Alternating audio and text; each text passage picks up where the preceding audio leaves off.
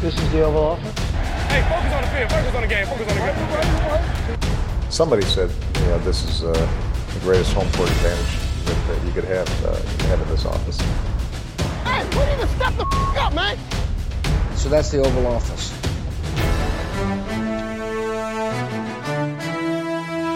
Velkommen indenfor i det ovale kontor. Vi er op til her onsdag den 20. januar. Klokken den er lidt over 5. Jeg hedder Mathias Sørensen, og med mig har jeg Thijs Joranger. Hej Thijs. God aften. Og Anders Kaltoft er også med mig. Hej Anders. God aften, Mathias. Og sidst men ikke mindst, Mark Skafte Våbengård. Hej Mark. Hej Mathias. Det Jeg er jo kunne sådan... godt det sprog, Andersen snakkede i dag. Hvad siger du? Jeg kunne godt det sprog, Andersen talte i dag. Jeg lavede faktisk ikke engang... Øh... Ej, Det var dansk, Mathias. Ja, okay. Det, det siger bare lidt om, hvor meget jeg hører efter, hvad du siger. Det er jo... Øh, mærke, som du, kan- du skal forholde dig til, så det er jo... skøjter du bare over det. Det er jo sådan set et stor flyttedag på, på vores kanter, men øh, vi har alligevel lige skåret øh, lidt tid ud af kalenderen til at snakke om konferencefinalerne i NFL, fordi der er kun tre kampe tilbage, og to af dem spilles altså på søndag, og det er jo to af årets største kampe, vi skal finde ud af, hvem der skal i Super Bowl. Så vi kommer til at kigge på kampene, selvfølgelig begge to, i godt i dybden. Vi har igen taget med i, hvorfor vinder de. Men vi skal også, øh, en stor del af programmet i dag skal vi også bruge på og snakke om alle de trænere, der nu er blevet ansat, fordi efter en, øh, en sidste uge, hvor der ikke rigtig skete sådan mega meget, så begyndte de jo at, at komme frem med de officielle ansættelser i de forskellige klubber med nye head coaches. Så dem øh, tager vi også og vender, og der er også lige et par, par general managers indimellem. Og så er der også lige en øh, rigtig god quarterback, der stopper karrieren. Vi kommer til at snakke lidt om Philip Rivers, der tidligere i dag her onsdag meddelte, at han øh, ikke længere vil spille i NFL. Nå, inden vi begynder på det hele, skal jeg jo sige, at vi er støttet af en masse rare mennesker på tier.dk. De gør, at vi kan optage igen og igen, uge efter uge. Og hvis du også kunne tænke dig at hjælpe med det, så kan du gå ind på 100.dk og støtte os med et valgfrit beløb for hvert program, vi laver. Det vil vi sætte rigtig stor pris på, og tusind tak til jer, der allerede gør det. Nå, som sagt, øh, de her øh, en masse nye head coaches, det er jo spændende. Og øh, vi starter i New York Jets, og øh, de Mm. er ansat øh, Robert Saleh.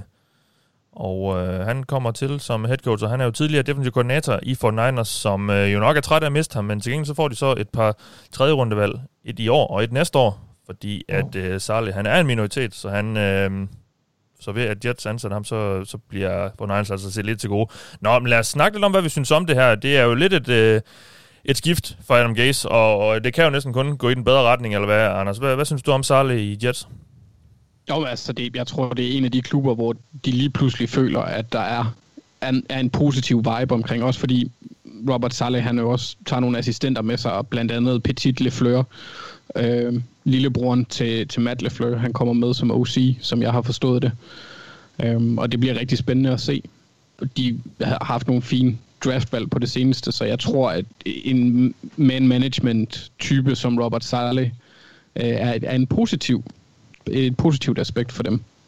Ja. Så jo, helt positivt. Ja, ja, selvfølgelig, det er stadigvæk Jets, og man skal lige se, hvad der sker, men Douglas-projektet ser positivt ud, synes jeg lige nu. Ja, yeah, og hvad skal vi forvente af Jets nu? Altså, øh, er det her ham, de havde brug for, for at få, styr, for, lidt styr på den her organisation, eller hvad? Altså, eller hvad, hvad, for, hvad forventer du der af Jets nu? Jamen, altså, best case, det er jo, at de får lidt en, en Brian Flores-agtig øh, hvad kan man sige, opblomstring, fordi de mangler stadigvæk en quarterback. Altså, det kan godt være, at de beholder Sam Darnold, det kan være, at de tager en, det kan være, at de trader efter en, who knows, men det er jo stadigvæk det største spørgsmålstegn. Men jeg tror sådan rent, øh, hvad kan man sige, trupmæssigt, virker Salle til at være en, en type, der har, har en forbindelse til sine spillere på et helt andet niveau, end, øh, end Adam Gaze havde, hvilket selvfølgelig ikke er super svært. Men altså, jeg har kun hørt positive ting om ham, når man, når man hører øh, andre, øh, hans tidligere spillere eller nuværende spillere snakke om ham, virker til at have været rigtig glad for ham. Så umiddelbart så kan jeg, altså, jeg vil stadigvæk, jeg vil være fortrøstningsfuld og positiv øh, for fremtiden, hvis jeg var Jets-fan, men det er stadigvæk Jets, så jeg vil øh, lave en Mathias og sige, jeg vil også lige se det. Ja. Må jeg, Før må jeg lige sige, fordi for mig, der minder mig det her meget lidt om, øh, hvis jeg skal være helt ærlig, det, det er så også med lidt negative briller på, hvis, hvis det ender med at gå sådan. Øh, men for mig, der minder mig det her mig lidt om dengang Dan Quinn kom på markedet, og, øh, og New York Jets også jagtede ham. Øh, og det, er jo- det må lidt være worst case, tænker jeg, for New York Jets, hvis det er, øh, at det ender med den dårlige side af, af, af det, som, Hvad, hvad, som hvad, Dan hvad, Quinn hvad også synes du sammenligningen er? Min sammenligning med det, er, det, er, det er grund til, at jeg kommer til at tænke på det, det er, at vi har en, en mand, som, som er karismatisk, som er, øh, er dygtig, øh, han kommer med et rekordsættende forsvar øh, efter sig, som han, altså, som han har haft en del tid, øh, og han er den her, øh, man hører mange ting om, at han er god med truppen. Det var Dan Quinn også. Dan Quinn var også rigtig god med, med truppen, men man havde øh, mangler, når det kom til, hvad der var med angrebet. Og det er så her, hvor jeg så godt kan lide det, som han allerede nu har gjort, fordi best case er så, at vi får en længerevarende udgave af det Quinn og Shanahan var med Saleh og Lafleur. Altså det er jo det, Jets skal håbe på, synes jeg.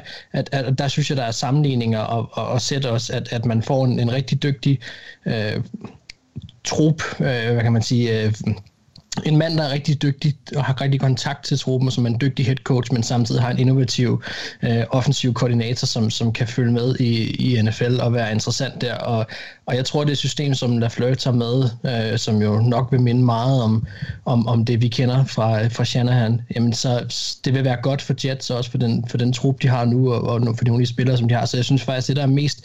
Selvfølgelig er det interessant, at han er ny head coach, men det er lige før, det er mere interessant, hvem han har valgt som offensiv koordinator, fordi at øh, hvis det bare havde været ham, og det lige nu var ude at flyve, hvem der skulle være offensiv koordinator, så havde jeg godt kunne se, at ja, det ved ikke, så jeg ikke synes, det var lige så spændende i hvert fald, som det ja. er nu. Um, Nej, og, og, og det helt store ting, han i hvert fald skal tage stilling til nu, det er jo, om Sam Darnold skal være hans quarterback. Uh, han har været ude at sige, at han synes, han ser rigtig god ud, og, og så videre, og så videre. Men det skal man jo lidt sige, og man, ja, man får sådan lidt uh, Josh Rosen-vibes i, i Cardinals, dengang uh, Kingsbury han kom. Uh, hvad vil du gøre med, med Darnold, hvis du var i, i Salas sko? Jeg vil i hvert fald sige, at, øh, at, at hvis det system, som de har tænkt sig at køre, kommer til at minde om det, Shanna han laver, og de ting, som om Lafleur også laver, så er det i hvert fald et quarterback-venligt system langt hen ad vejen, som, som Darnold øh, måske godt kunne trives i, øh, eller i hvert fald måske vil få en reel chance for at trives i, og han har nogle gode playmakers omkring sig også. Jeg tror også sådan en som Denzel Mims og, og hvad hedder det, de andre receiver, som de har, vil, vil kunne trives godt i det. Men der er ikke nogen tvivl om, at når man har chancen for at tage en, en quarterback så højt, som de har, øh, så, så tror jeg stadig, jeg vil gøre det.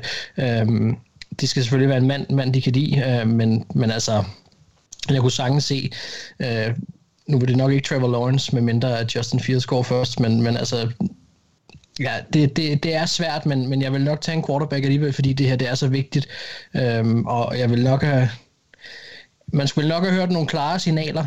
Øh, det, der vil jeg jo give dig ret i, at det minder lidt om Josh Rosen. Man nok have fået nogle, nogle noget klare signaler fra Saleh, hvis det var, at det var meningen, at det var Darnold, der skulle være fremme. Jeg, jeg, vil, jeg vil gå efter at, at, at drafte en quarterback, se hvad der sker. Øh, teste dem mod hinanden, også teste Arnold i systemet, og så, så trade den, som jeg ikke kan lide, hvis jeg skal være helt ærlig. Ja. Men uanset hvad de siger nu, så er det jo, kan man ikke stole på noget af det, fordi nu, nu går vi jo ind i, i lying season, som man, som man kalder det. Det er op til draften, så, så de vil jo overhovedet ikke vise nogle af de kort, de har på hånden. Nå, uh, Thijs, har ja. du noget at tilføje til, til Salah Jets? Ja, hvor lang tid har vi? Øh, ej, øh, ja, ja. Det, vil sige, altså. det der Mark har ret i, det er vigtigt at ansætte en god offensiv koordinator, men, men sandheden er jo også i NFL, at, at det er jo problemet for mange af de her defensive head coaches, det er, hvis de ansætter en god offensiv koordinator, så mister de ham efter et eller to år, og så skal de ud og ansætte igen, og så skal de næle ansættelsen en gang til, hvis deres angreb mm. skal holdes på samme niveau. Og det samme problem kan Robert Saleh og New York Jets meget hurtigt komme ud i med en, en hvad hedder han, Mike LaFleur, øh, som netop kommer fra Shanahan-træet, har en bror, der allerede er head coach. Hvis han kommer ind og, og leverer rigtig godt angreb for Jets, så ryger han meget hurtigt, tror jeg. Og det er ja. selvfølgelig problemet for Saleh og alle andre defensive head coaches, og det, øh, hvad hedder det, og det, det er en af grundene til, at, at jeg er klart hellere mod at ansætte offensive head coaches øh, i nutidens NFL. Og den anden ting, jeg vil sige, det er, at de skal helt klart tage en ny quarterback. Men ja, det er fint. Det, kan ja. vi, det, det har vi masser af offseason til at Ja, det kan vi snakke om op til draften. Nå, men Thijs, jeg kan blive lidt riser, fordi vi kan snakke lidt om Urban Meyer. Han er nemlig ny head coach i Jacksonville Jaguars, og hvis man udelukkende har fulgt med i NFL, så ved, vil man jo nok overhovedet ikke vide, hvem han er.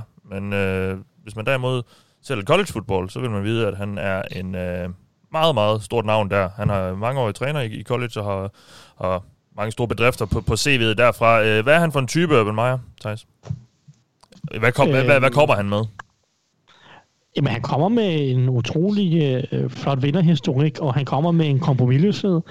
Han har været meget dygtig til at skabe resultater, og, at skabe en vinderkultur, uanset hvor han har været henne. Om det så har været Bowling Green, Utah, eller Florida, eller Ohio State, som er de fire hold, han har været hos de sidste 25-30 år, øh, så har han skabt en vinderkultur og vundet rigtig mange kampe. Han er også en, altså, så han er en kompromilløs vinder. Det er nok, det, det er nok den måde, jeg allerhelst vil beskrive ham på. Men selvfølgelig så kommer han også med noget kreativt i en eller anden forstand. Han har øh, taget og, og gjort nogle rigtig fine ting ved option løbeangrebet og, og shotgunnen med, der, der var han meget innovativ, øh, især i hans Florida-tider med, med Tim Tebow som quarterback blandt andet.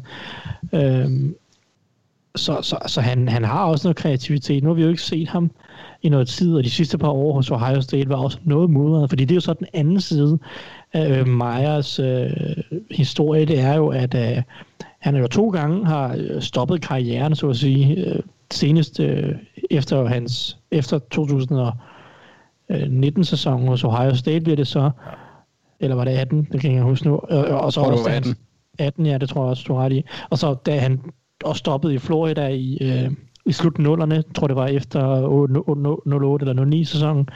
Øh, begge gange har han stoppet det, eller stoppet karrieren, og udad til, fordi at han har haft øh, stress og øh, gerne vil fokusere på sin familie og så videre, øh, nogle, altså nogle helbredsproblemer, men, men, men historien omkring de her situationer er også, at han har været utrolig kontroversiel og har skabt nogle skandaler øh, og været frontfigur for de hold, der virkelig har været kontroversielle i en anden øh, forstand, også i den kultur, de har skabt. Altså Florida-holdet var præget af utrolig mange anholdelser, øh, bad guys. Aaron Hernandez. Og, øh, Aaron Hernandez er et eksempel, kan ja. man sige, fra, fra den Florida-tid der. Skræk-eksempel. Men, men, ja. skræk-eksempel, også, også det. Øh, masse fejlede øh, drug tests hos spillerne og så videre. Altså virkelig, virkelig en, en syg kultur, sådan, altså en, en overdrevet kultur, hvor man bare tillader alt øh, for at vinde. Altså det her, en kompromilløs vinder, går bare efter at vinde, så ligeglad, ligeglad med hvilken øh, kultur, om den er sådan langtidsholdbar. Og, og mod slutningen i Florida, der blev det så sygt, altså kulturen, at han, han det, det var ikke holdbart længere. Han blev nødt til at forlade Florida. Og det samme endte lidt med hos Ohio State. Ikke i den forstand, men, men, men han endte også i en meget kontroversiel situation, hvor han jo havde, havde dækket over en af sine positionstrænere, som havde været, øh, som havde lavet gennem en overrække havde lavet øh, hustru, øh, hustruvold, og, og det har jo Meyer været bekendt med i flere år, og har dækket over det, og ikke gjort noget ved det, og så da det kom frem og så videre, der håndterede han sagen skrækkeligt. Så, så han er jo en kompromisløs vinder, men også en meget kontroversiel person. Øh, og det bliver meget interessant at se, om man kan, øh, om man også kan vinde i NFL. Øh, om den her, han, han er jo meget sådan, jeg ved ikke, man skal sige, han er, han er jo meget, øh, jeg skulle til at sige nedsættende, jeg skulle til, næsten til at sige over for sine spillere, har virkelig sådan... Spørgsmålet er, om man kan ja, være det i NFL, hvor det ikke er nogen, det, hvor det ikke er nogen helt, helt unge gutter, som, øh, som, som, som han rekrutterer og, og hiver til, til det college, han nu har været. Altså nu, nu kommer han til at stå over for nogen, de er selvfølgelig ikke jævnaldrende med ham, men, men de er noget ældre og, og har noget med hår på brystet. Helt sikkert, og det er også det, som jeg glæder mig meget til at se. Øh, kan han håndtere voksne mennesker på en voksen måde, hvor at, at, at altså, der skal du bare kunne noget mere, end at bare være... Øh, og, og det er også nogle gange lidt lettere i college bare at sige, ja, jamen, altså, jeg bestemmer alt. Sådan er det bare, og hvis der ikke, hvis ikke markerer ret, så er det bare, så er det bare surt for jer. Altså, jeg bestemmer. Og i NFL øh, er der bare lidt mere øh, politik, du skal håndtere, både internt på linjerne og i forhold til spillerne og, og alt muligt. Og du kan ikke bare få lov til at vælge nærmest hvilket som helst spiller, du gerne vil. Øh, når han har været hos Florida og Ohio State, har han virkelig jo, altså det er jo det er to af de største skoler i landet. Mm. Så han har haft rigtig meget talent med at arbejde med. Så, så det er jo også øh, det, der bliver interessant at se. Og for mig at se, at det, altså det, er jo, det er jo et kæmpe sats. Det er et kæmpe sats. Boom og bust hele vejen her med Urban Meyer. Mm. Øhm, han er en vinder og har gjort mange fine ting i sin karriere. Kan, kan han overføre det til NFL? Øh, og få skabt en vinderkultur og, og gjort nogle gode ting på forsvar og angreb osv., så, så, så har de jo alverdens draft picks og cap space, alt muligt at gøre godt med, som kan gøre Jaguars spændende meget hurtigt. Mm. Øh, kan han ikke opbygge en NFL-kultur, og bliver det hele noget rod og alt muligt, så, så, ser, så falder du jo helt fra hinanden igen om ja. to eller tre år. Og det er jo nok det, det står Men... falder med. Han, han, han er jo kendt for, øh, hvis vi kigger på, hvad han ligesom har bedrevet på banen, så er det jo ud over en masse vundne kampe, så var han jo øh, ham, der ligesom gjorde Alex Smith til en, øh, en stjerne i college, og også Team Tebow, bare lige for at nævne nogle af de sådan mere profilerede. Øh, nu får han sådan formentlig nok øh, Trevor Lawrence og lege lidt med. Øh, så det er jo spændende at se, om han ligesom kan forløse ham også, øh, når, det, når det gælder på det her niveau. Mark, du er ved at sige noget? Ja, det, nu skal jeg sige, jeg er ikke øh, vanvittig ekspert på, på college football, men, men jeg nævnte for et par podcast siden, at jeg synes, at Jacksonville-jobbet måtte være et drømmejob for en head coach, øh, fordi der er de der muligheder for at arbejde med netop et ungt og forholdsvis talentfuldt hold, men også med første valget i draften her, hvor der er nogle rigtig gode quarterbacks på beding. Øh, men som, øh, hvad hedder han, øh, som Stan Lee, han lidt skrev, selvfølgelig, at der stort ansvar med stor magt, og på samme måde, så synes jeg, at Urban Meyer har chancen, altså han har chancen for at vinde alle de Jacksonville, hvor der har været en elendig kultur også. Øh, og så har, har han chancen for at gøre det fuldstændig forkert og køre holdet i grus endnu en gang. Øh, og man kan sige, det er selvfølgelig chancen, der er ved at tage sådan en job, som når man læser lidt interviews med ham omkring, efter han har taget jobbet, så virker han jo også overbevist om, at det her, det, hvad end han gør, kommer til at gå ned i historiebøgerne på den ene eller den anden måde. Øh, men lige præcis det der med, at, vi, at han har vundet meget, altså det bliver interessant at følge, hvordan han kommer til at være, når han nu kommer til at tabe. Fordi vi kender ham, som du selv siger, som en vindende og succesfuld træner, men jeg synes altså også, når man kigger på de hold, han har haft og så videre, han har haft rigtig meget godt at arbejde med. Han har haft meget talent. Øh, og, og nu vil jeg gerne, altså jeg er rigtig, rigtig spændt på, også i takt med de mentale ting, som, som Thijs også snakker om, der har været udfordringer for ham. Hvordan kommer han til at agere, når han begynder at tabe? Fordi Jaguars kommer til at tabe nogle kampe. Altså, så Jaguars kommer jo ikke i Super Bowl næste år. De vil gå ind og have en tabende sæson. Det, det er jo næsten det vil jeg næsten godt lægge hovedet på blokken og sige, det, det er da næsten helt sikkert. Det er der i hvert fald rigtig stor chance for, at de vil. Og det vil de måske i den, den kommende sæson, det vil de måske også i sæsonen efter, eller i hvert fald, så skal der i hvert fald nok lige noget tid til at genopbygge noget. Og, og der er jeg godt nok interesseret i at se på, fordi jeg, jeg er meget enig med Thijs i, at det her det er boom og bust, og hvordan kommer Urban Meyer til at være i NFL, hvor presset om noget er højt, ansvaret er kæmpestort, og han, han kommer til at have et hold, som kommer til at få problemer ved at vinde på den måde, han er vant til at gøre. Altså for, for mig, der, der ser det som om, at han har chancen for at bygge noget rigtig stort op med Jacksonville. Jeg synes, der er rigtig mange ting, som fundamentmæssigt kan være rigtig, rigtig godt. Øh, hans fineste opgave bliver for mig at vise lige præcis nok fremgang og lederskab til, at han kan samle holdet, deres fans, ejerne, og så tro på, at Jacksonville er et tophold om nogle forhåbentlig få år for Jacksonville. Øh, det er jo det, det synes jeg, det er sådan en head coach, han skal vise sig at være nu med det projekt, han har overtaget og der er jeg godt nok spændt på med hans karakter på, hvordan det kommer til at foregå i NFL, det må jeg bare sige. Ja.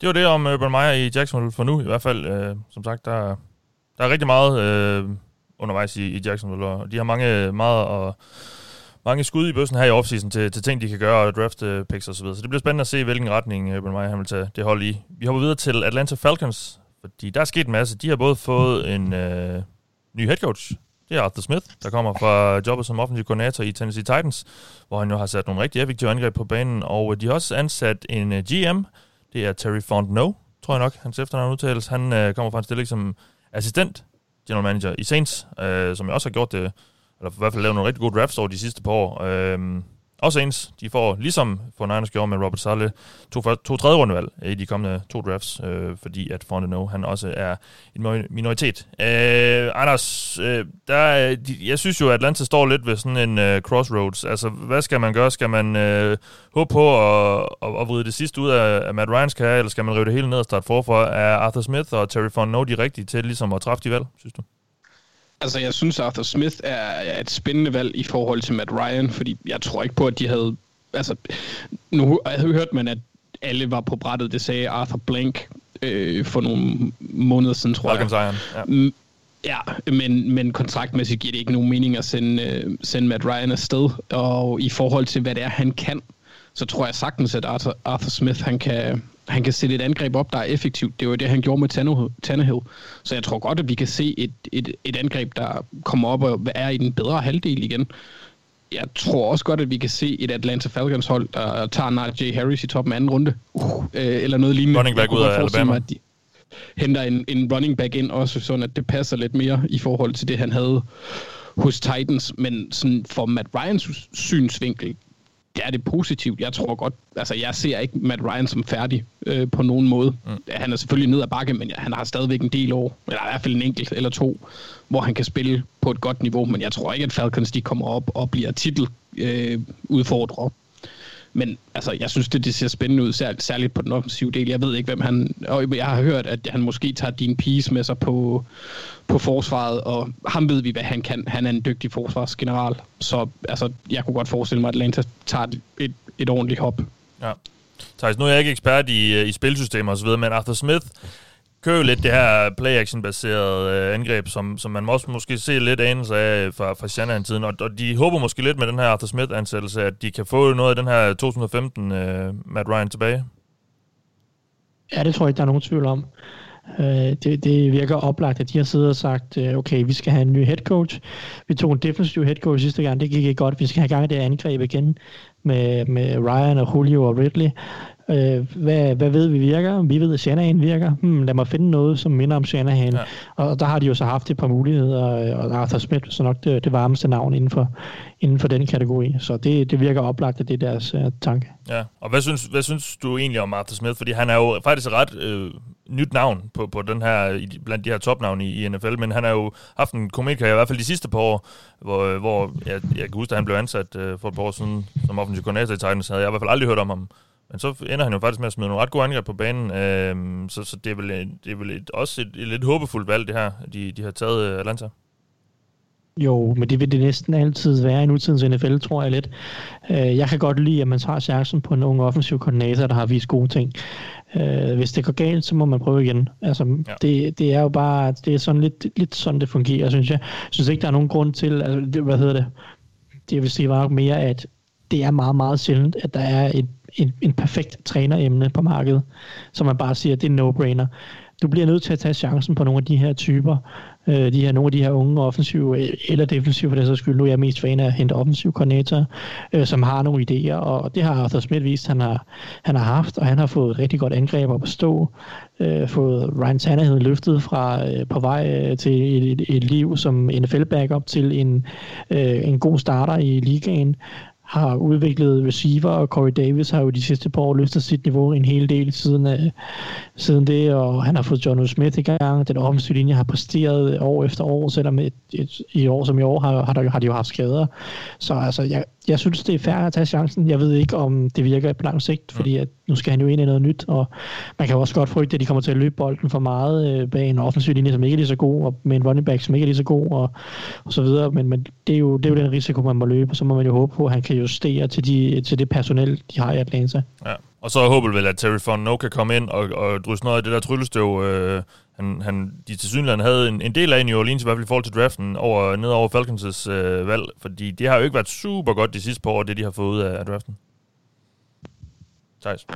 Øh, ja, jamen altså, ja. Hvad, eller, hvad, og hvad ved vi fra, egentlig om Fortnite, hvad han, hvad han vil? Vi ved ikke ret meget. Altså, han kommer fra New Orleans, og generelt har New Orleans jo egentlig draftet meget godt de sidste mange år, synes jeg. Øh, de har selvfølgelig haft den der vanvittige draft i, uh, nu skal jeg tænke mig om 16, 17. Det? Ja. 17. Ja. Øh, og, og de har også været gode spillere efter det. Har, altså, så jeg synes jo langt hen ad vejen, at New Orleans har draftet godt. Øh, og det er jo et hold, som har været konkurrencedygtigt i mange år i træk. Så han har jo også... Øh, været omkring gode mennesker i, i, i den organisation langt hen ad vejen.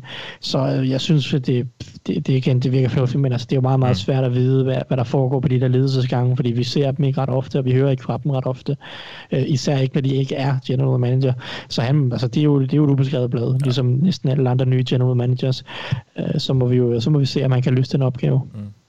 Lad os lige hoppe til Los Angeles, fordi... Øh Los Angeles Chargers, de ansatte en mand, som øh, jeg i hvert fald ikke havde regnet med at få en head coach stilling i den her omgang. Der var egentlig historier ud om, at Brian Dable, offensiv koordinator i Bills, var favorit til at lande jobbet, men øh, søndag aften, dansk tid i hvert fald, så annoncerer Chargers, øh, eller natten til mandag, dansk tid var det måske, øh, så annoncerer Chargers, at Brandon Staley, han skal være ny head coach i klubben, og øh, han kommer fra øh, et ret succesfuldt år må man sige, i Los Angeles Rams. Han var defensiv koordinator, og han satte sådan set det ud fra rigtig mange statistikker, også dem vi rigtig godt kan lide, øh, det bedste forsvar på banen i NFL sidste sæson. Øh, Mark Brandon Staley, vi, vi har lige snakket om Arthur Smith, han ikke havde sådan mega meget øh, imponerende ting på CV'et. Brandon Staley har et år, det er jo til gengæld også rigtig godt. Hvad synes du om den ansættelse?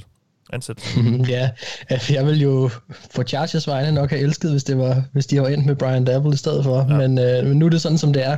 Øh, altså, det er jo en, en potentielt ung stjerne på vej frem. Altså, McVays øh, trænertræ, det er ungt, men det begynder at spire så småt og hurtigt åbenbart i NFL. Endnu en det er uh, også McVay interessant nok i sig selv. Ja. Øhm, altså som du siger, ganske lidt øh, erf- erfaring, og, og man kan sige, at, at, at Thijs har jo talt rigtig, og har også forklaret, tror jeg, i en podcast tidligere også, hvad, hvad han synes, der var genialt, og, og hvad der var genialt ved det her øh, Rams forsvar. Og, og det er jo også interessant, og det er jo det, som, som han, hvad kan man sige, øh, der var mange, der mente, at McVay skal roses, og det skal han selvfølgelig også, men skal roses rigtig meget for at tage chancen på Brandon Staley og rykke ham, og, hvad kan man sige, rykke ham frem i gelederne og lade ham styre forsvaret, som han gjorde. Og, og, og det, det var også interessant, og det er et, hvad kan man sige, meget, meget ungt stjerneskud, der kommer frem. Det, det hvor jeg er, er interesseret, det, det er, må jeg bliver simpelthen til at sige, det er det der med, man, man hører igen en, en defensiv og din, øh, hvad hedder det, orienteret uh, head coach til et hold, som, uh, som har så ung og dygtig en quarterback som Justin Herbert. Det var også derfor, jeg lidt havde håbet, at vi kunne se noget af det, som vi ser med Bills øh, udfolde sig videre hos Chargers, fordi det synes jeg, det synes jeg de trænger til. De kommer fra en meget konservativ og old school træner, øh, som var meget løbeorienteret og meget old school generelt i sin, i sin tilgang til fodbold, og nu kommer der en anden træner, som er ganske vist yngre, men er forsvarsorienteret. Så må man håbe, at han kan tage chancerne, hvad angår offensiv koordinator og det offensive system, fordi det, det er jo det, der bliver fuldstændig afgørende for succesen hos Chargers, det er, at man får udviklet Herbert ordentligt og får fra nu af, det var derfor, Lind skulle ud. Ikke? Det, det var for, at man skulle have en, ja. en innovativ offensiv koordinator ind. Så det, det synes jeg virkelig, det kræver nu. Når det så er sagt, så er der spændt på at se ham med det her, øh, hvad hedder det, Chargers forsvar. Altså vi får Dervin James tilbage, en, en mand, man efterhånden snart er glemt, fordi det er sådan anden siden, han har spillet.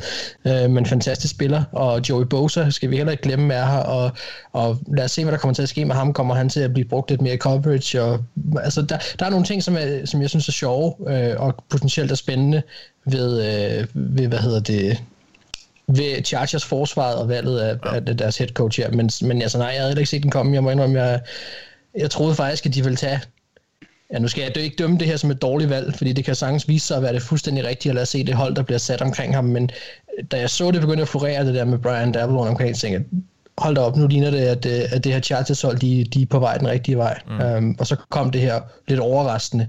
Så, men altså, det, det er ikke dermed sagt, det ikke kan blive godt. Uh, jeg tror bare, jeg var nok ikke gået den vej. Men, men spændende er det da. Det, det må man sige. Altså, det er altså sjovt, når, når folk, der ikke har så voldsomt meget erfaring, får... Øh, får så meget, øh, hvad kan man sige, magt og, og, og stjernestatus så hurtigt. Lad os se, hvad der sker ved det. Altså. Mm. Mark vil ikke gå den vej, Anders. Vil du?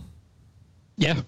Ja? Uden, altså, jeg, jeg, jeg, jeg forstår godt argumentet med, at hvis man finder en god offensiv koordinator, at de så højst sandsynligt er væk efter et par år, men jeg forstår ikke den der aversion mod at ansætte defensive trænere. Hvis de kan blive ved med at finde ud af at finde offensive spillere, eller udvikle en quarterback, man så, altså Belichick, i, i New England selvfølgelig et unikum, men han er jo kommet fra den defensive side, der var, jeg tror, der var de samme røster, da han kom til Cleveland, hvor der gik nogle år før det kom til at fungere også. Øh, jeg er også lidt interesseret i, om Tyson har bukser på ved det her valg, for det havde han jo ikke haft, hvis det var sådan, det var Brian Dable. Nej, det kan du måske så øh, gøre os lidt klogere på, Thijs. I can confirm that pants are on. Okay. Okay. Ja, men, men altså, i forhold til det, Mark sagde, så synes jeg ikke, at det er fordi, at der skulle en offen, innovativ offensiv træner ind. Det var ikke, det, de, altså, det var ikke deres primære mangel. Det var hans game decisions og hans, ja, hans, hans beslutninger undervejs, fordi jeg synes jo egentlig, at Justin Herbert gjorde det ganske fint på, på angrebet. Og Shane Steichen er jo også en mulig, øh, hvad hedder det, det er jo muligt, at han bliver. Det lød, det, ja, som om jeg forstår det, bliver, vil han blive, men det er måske ikke helt bekræftet endnu. Nej, altså jeg har hørt, at de kiggede efter Kevin O'Connell, men ham skulle, øh, hvad hedder det, Sean McVay have sagt, det måtte de ikke. Som har været QB-coach i... Offensiv, eller, offensiv koordinator Rams. hos Rams. Ja, ja. Okay. Jeg vil nødt til at sige, at det var, det var sådan set også derfor, at, at jeg var interesseret i for at se, hvad der bliver offensiv koordinator, fordi når han allerede nu sender signaler om, at han gerne vil have haft en anden med, så er det lidt interessant, hvad der sker i Chargers på den bekostning. Men nu, tager, nu tager du altså Bill Belichick frem som eksemplet. Altså, nej, nej, øh, jeg siger bare, at man kan ikke altid automatisk regne, altså gå ud fra, at fordi han kommer fra den defensive side, så kommer der ikke noget innovativt offensivt ud af det. Selvfølgelig kan man ikke det, men det er, man kan sige, at min aversion kommer rigtig meget, fordi at Brian Dabble var øh, i spil, og for mig virkede det næsten som om det handlede om, okay, nu var der nogen, der røg ud før, øh, jamen så, tager vi, så, så tør vi ikke gå længere eller vente længere, så, så nu er det bare sådan, der, fordi Bills stadig er inde, og de ikke kan, kan snakke mere. Altså det, det, ja. Ja, hvis de ville have haft Brian Dable, så havde de ventet, fordi de sidste to øh, huller, der er, var han ikke sådan umiddelbart en kandidat, så jeg tror ikke, de er super attraktive, men det er også bare i forhold til, når man hører folk snakke om Brandon Staley, og altså, vi hørte det, da, da hvad hedder det, Sean McVay snakkede om ham sidste år, hvor meget han elskede ham, og at i forhold til den intensitet og passion, han bringer med, når folk de møder ham, så tror jeg også sagtens, at han kunne bare have brændt den af på, på interviewdelen. Ja. Og jeg tror, at hans plan må også være rimelig velfunderet. Nu sige, han, han er en af meget, meget, meget få unge, innovative, defensive træner, der faktisk har gjort en forskel for et hold, der ikke var super offensivt i år. Ja, men man siger bare, at sample sizen er rigtig lille, og det er jo det, der både kan være, være boom og bust, ikke? fordi vi har set ham et år. Hvem siger, at han ikke havde haft det her Rams-forsvar et år mere, og det så var gået galt? Altså, det, det, vi ved det ikke, og det er også det, jeg synes, jeg synes, det er enormt satset, og jeg synes, det er satset, fordi man har Herbert, og, og der var jeg bare gået en anden vej. Apropos intensitet og passion, så er Dan Campbell blevet head coach i Detroit Lions. Thijs. Uh, han kommer jo fra et job som uh, tight end træner i New Orleans Saints, og uh, tidlig, også vist også uh, assistent, uh, assisterende head coach. Uh, og han tog også lige over for et par år siden, eller er det flere, i, uh, i Dolphins, som, som, uh, som cheftræner, da de, da de fyrede en, som jeg ikke lige nu kan huske, hvem er. Joe Philbin. Uh, Joe Philbin, ja, selvfølgelig. Uh, Dan Campbell i Lions, den har jeg lidt, den havde jeg måske ikke lige set så meget komme. Uh, men de går du vel... ikke Lions godt nok, Mathias. Ja, men det, det er jo så nok det, fordi er det sådan lidt en justering her, Thijs, i forhold til det, de, de havde før, til det, de skulle have nu? Før der havde de en coach, som ingen af spillerne kunne lide, og så ansætter de en, som øh, er kendt for at bonde rigtig godt med spillere. Jamen, det tror du har helt ret i. Det har nok været det, der stod allerhøjst på prioriteringslisten over sådan kvaliteter, en, en head coach skal have. Og det er jo simpelthen så typisk NFL. Øh, de, de går jo ofte med det modsatte af, hvad de har haft tidligere. Så Anthony Lynn, ja. han var sådan en uh, lidt gammeldags old school offensiv træner. Så skal man have Brandon Staley, ny ung, innovativ defensiv træner. Så havde man Adam Gase, der var den her uh, igen lidt fjerne mand, som man ikke kunne relatere til offensiv head coach. Så skal man have defensiv ja, head coach, der virkelig kan relatere til spillerne i ja. Robert Sarli, og så videre og så videre. Uh, så det er jo bare, det, det er klassisk NFL, og det, fra, det er jo simpelthen og fra Dan Quinn til Arthur. Smith. Hvad siger du, undskyld? Og fra Dan Quinn til Arthur Smith præcis det samme. Ikke? Ja. Altså, det er simpelthen det er jo en fejlbehæftet proces at gøre det på den måde, men man ser det bare ja. gang på gang i NFL. Nå, øh, til Dan Campbell. Jamen, øh, det, er jo, det er jo et interessant valg. Der har været snak om ham længe, netop fordi, som du siger, han virker til at have en stor stjerne hos, hos spillere og hos trænere. Altså, han er en god motivator og leder på mange punkter efter sine. Øh, har jo også haft en vigtig rolle hos Saints, øh, med ligesom at være... Øh, hvad skal man sige, Sean Paytons højre hånd, og selvfølgelig, når man er assisterende head coach, så står du for mange af de møder, som, som head coachen ikke lige har tid til. Øh, og der, der har Dan Campbell selvfølgelig haft fingrene øh, med i meget, så han har jo et godt indblik for både offensivt og defensivt øh, i, i nogle af de opgaver, der skal løses. Øh, så har han vist efter sigende stået for en, en god portion af Saints løbeangreb og så videre, og det er måske det, der, frygt, altså, der sådan, jeg kan frygte allermest, det er, at han er lidt for løbeglad. Jeg synes i hvert fald, jeg så en, en et citat fra ham, hvor han var, øh, hvor han udtrykte, at, at det vigtigste var, at man kan håndtere løbespillet. Altså både offensivt og defensivt. Og, ja. det, og det, det får alle alarmklokkerne til at ringe, må man jo indrømme. Men øh, det betyder jo ikke nødvendigvis, at, at han ikke godt kan sætte et godt kastangreb op også. Så det, det må vi jo vente og se på. Vi, vi kender jo ikke hans, hans stil som offensiv koordinator, eller jeg er slet ikke sikker på, at han skal være offensiv koordinator, Nej, men, men altså, hvad hans filosofi er, hvad er det, han gerne vil øh, offensivt og defensivt, det ved vi jo ikke øh, på noget som helst måde, fordi vi har ikke set ham være offensiv koordinator eller defensiv koordinator. Øh, så han kommer jo ind, netop som du siger, han skal ind og håndtere en trup, som nok har været lidt splittet og lidt øh, haft det lidt svært i et par år med Matt Patricia, og så skal han ind og, og få sat skik på det, og det må vi så se, om man kan gøre, og så skal han jo så sammensætte en, stab, som øh, efter hans ønske kan, kan udføre offensiv og defensiv det er jo offensiv og defensiv job. Ja. Jeg er jo sådan set lidt mest interesseret i deres general manager. Ja, de har ansat uh, Brad Holmes. Lige præcis. Han virker spændende, tænker jeg, for jeg, jeg synes, han siger nemlig rigtig mange af de rigtige ting. Mm. For nu øh, alarmklokkerne ringede med Danny Campbell og hans øh, løbequotes, men, øh, men Brad Holmes har været ude og indikerer, at han går rigtig meget op i data, og han vil gerne tage, tage beslutninger baseret på et sådan evidensbaseret, øh, databaseret, vidensbaseret grundlag. Det er ikke bare godt feeling og øh, hvad lille tårn og venstre røvballe siger osv. Uh, øh, det, det, det, det, det, han, han virkede meget interesseret i det her med at opbygge en eller anden form for et, et system, øh, hvor man grader spillere til college, og man opbygger en eller anden form for model for, hvordan man gerne vil sammensætte sit hold og sådan noget. Der har han i hvert fald sagt nogle af de her ting, der indikerer mm. den retning, og det virker rigtig spændende til gengæld, fordi det tror jeg er den helt rigtige måde at gøre det på. Ja. Så øh, jeg synes, det er interessant at se. Øh, det er jo ikke, altså, Dan Campbell er jo ikke et inspirerende valg på nogen som helst måde. Det, det kan man ikke komme ud af. Det er det bare ikke. Dermed ikke sagt, at det ikke kan blive godt. Øh, men det er jo ikke et inspirerende valg i forhold til, hvad man kan sådan at man, kan, man har noget øh, sådan konkret at, at sige, det her, det har han gjort godt der, kom, der er vi på barbund i forhold til, hvad, hvad han kommer til at bibringe.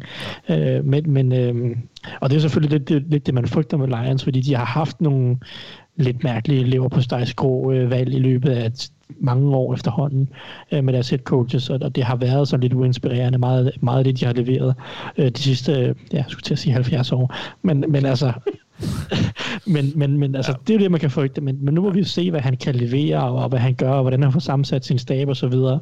Men jeg er positivt stemt over for deres general manager. Han siger i hvert fald mange mm. af de rigtige ting. Og man så også kan føre det ud i livet, det finder vi så ud af. Ja. Han kommer jo fra et job som Director of College Scouting i Rams. Så øhm, der har han, og han har vist været det i små 20 år. Øhm, så Anders, har du noget til, til Dan Campbell? Ikke, ikke umiddelbart ud over det Thijs, han kommer ind på. Jeg ser ja. ham også mere som sådan en, øh, en overordnet type. Ja. For, ham, for, for, når jeg kigger på ham, så er det mindst lige så øh, vigtigt for ham, som det er for øh, de defensive trænere, der er blevet ansat, eller den. Ja. Øh, de, nej, der er to, øh, dem han ansætter. Fordi jeg tror ikke, at det innovative spilkald kommer fra en tidligere tight end. Nej. Så der er to... Jeg lige kom, ja, lige kom med et forbrugerråd omkring uh, Dan Campbell her, for nu er det snart Super Bowl, og hvis man mangler et, uh, et drukspil eller en lille quiz eller et eller andet, så synes jeg, man skal finde 10 artikler om Dan Campbell, og så skal man trykke Ctrl F, og så skal man søge på, hvor mange gange ordet motivation eller motiv- motivator bliver sagt. Okay. Og så skal man prøve at gætte på det, eller hvis man tager et shot hver gang man finder det, så er man færdig inden første kvartal, vil jeg sige. Ja. Aldrig nogensinde har jeg set så intetsigende artikler blive skrevet om en ny head coach. Der står intet om, hvad manden han vil på nogen måde, fordi ingen aner det, men han er en motivator. Ja. Altså, det, det er det grænser er jo, til en grænsekagefigur, de har hyret indtil videre, vil jeg sige. Men lad os nu se, hvad der sker. Men det er vel også, fordi han reelt ikke rigtig har altså, han har ikke rigtig bidraget med noget konkret på banen. Altså, han har ikke sat et eller andet øh, vildt forsvar eller højtflyvende angreb på banen. Så, så vi, har ikke ja. rigtig, vi ved ikke rigtig, hvad, om, hvad han kan komme med i forhold til det. Men det, han jo ligesom er kendt for, det er at være den her rah-rah øh, motiver- motiverende øh, spiller øh, elskende øh, træner, som, som jo nok også, som der så som sagt også nok er brug for i Detroit, fordi det har været det kan godt være. nok nogle Men lige præcis derfor kunne det være interessant at høre tankerne om hyringen, ja. og at det ikke er sluppet ud på nogen måde, hvad, hvad Lions, øh, hvad kan man sige, tanker eller noget har været med det. Jeg ved godt, det er forholdsvis nyt, men at der, der intet har været. Det er også interessant, for jeg ja. kunne godt tænke mig at, at have været deres kontrol om at, at forstå processen bag det her, andet end at vi har brug for en, som ikke er Matt Patricia, og, og, og rent faktisk godt en, spillerne kan lide. Ja. Det kan umuligt være det eneste. Altså.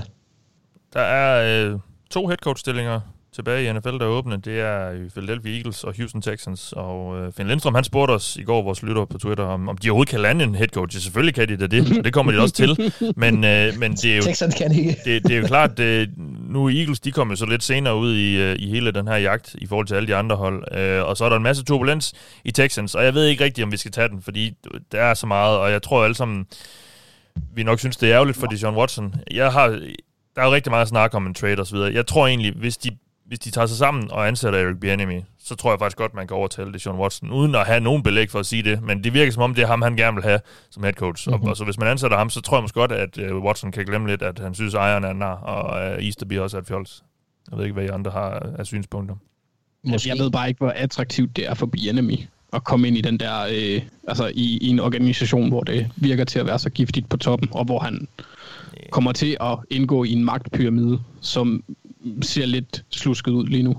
Ja, altså lad os så sige, at, at, at Watson bliver et enkelt år, men, men at det så bliver for meget alligevel, at der er den ejer, som der er, og den organisation, der er, den stadig sejler, og Watson så vil væk året efter, så sidder Bianemi der med, med, med en skud, som er sunket nærmest. Ikke? Altså, ja. Jeg synes også, det, det er et giftigt job at tage, men jeg, jeg vil give dig ret, Mathias, hvis det, lykkes, hvis det lykkes på en eller anden måde at lande ham, så er jeg også villig til at sige, det, det, så tror jeg godt, de kan, de kan holde på ham. Men jeg havde lidt en snak med Anders, øh, også på Twitter forleden dag, hvor, hvor jeg i hvert fald meldte mig i lejen og siger, jeg kan godt se mange grunde til, hvorfor det her det skulle ske med, med Deshaun Watson, selvom det vil være altså vanvittigt, hvis, hvis han forsvinder. Historisk. Øh, Altså, du kan se grundene for Texans. det, det er der ikke nogen.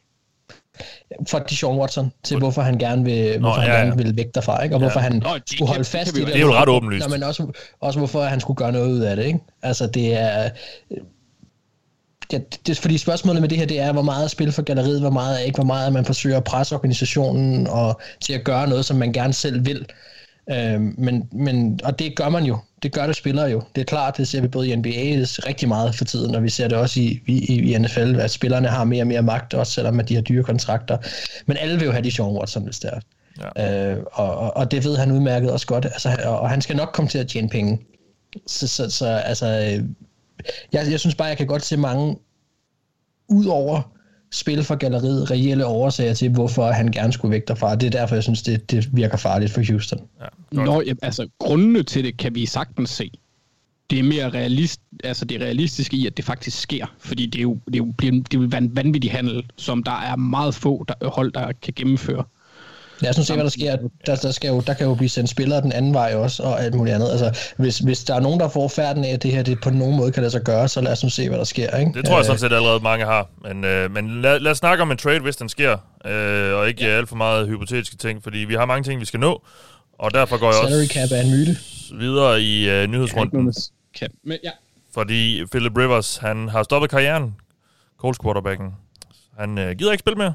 Og det kan jeg godt forstå. Han er også øh, ved at være godt op i alderen, og han har også øh, bedrevet mange ting, men han har aldrig vundet nogen Super Bowl eller noget. Og vi kan, jeg tror alle sammen, vi er enige om, at Rivers han er en, en fed type, og han var en fed spiller, og øh, han har en flot karriere.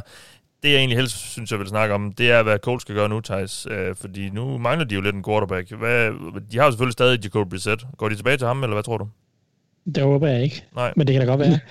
Øh, det kan godt være, at de ikke har bedre alternativer. Øhm, Men det håber jeg ikke. Jeg håber, at Colts de, i den her årseason vil forblive aggressive i jagten på at få en, en quarterback.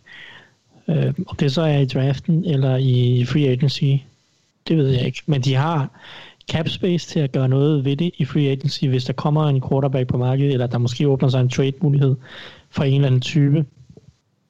Øh, så vil jeg prøve at gøre noget ved det den vej. Øh, ellers så må de jo så må de prøve draften. Øh, så må de signe ja, det ved jeg ikke, en eller anden Ryan Fitzpatrick til at duellere med deres rookie quarterback. Og så, øh, så må de tage den derfra. du har allerede givet op på Jake Kabisen. Jacob Eason var aldrig et prospect. Jamen, altså, det, det er en fake quarterback. Ej, ja, det er selvfølgelig klart, at hvis han, hvis han øh, på magisk vis øh, har lært øh, alt ved at spille quarterback det, det år her, hvor han har siddet på bænken bag Philip Rivers, øh, så, øh, så skal han selvfølgelig adoptere til Philip Rivers først, fordi at Ri- Rivers har ikke nok børn i forvejen. Øh, og, så, øh, og så, må vi, så må vi se, om han er blevet en god quarterback. Altså, jeg tror ikke på Jacob Eason, det har jeg aldrig gjort. Øh, det kan godt være, at han er en fin backup, men jeg tror aldrig, han bliver en starter i NFL.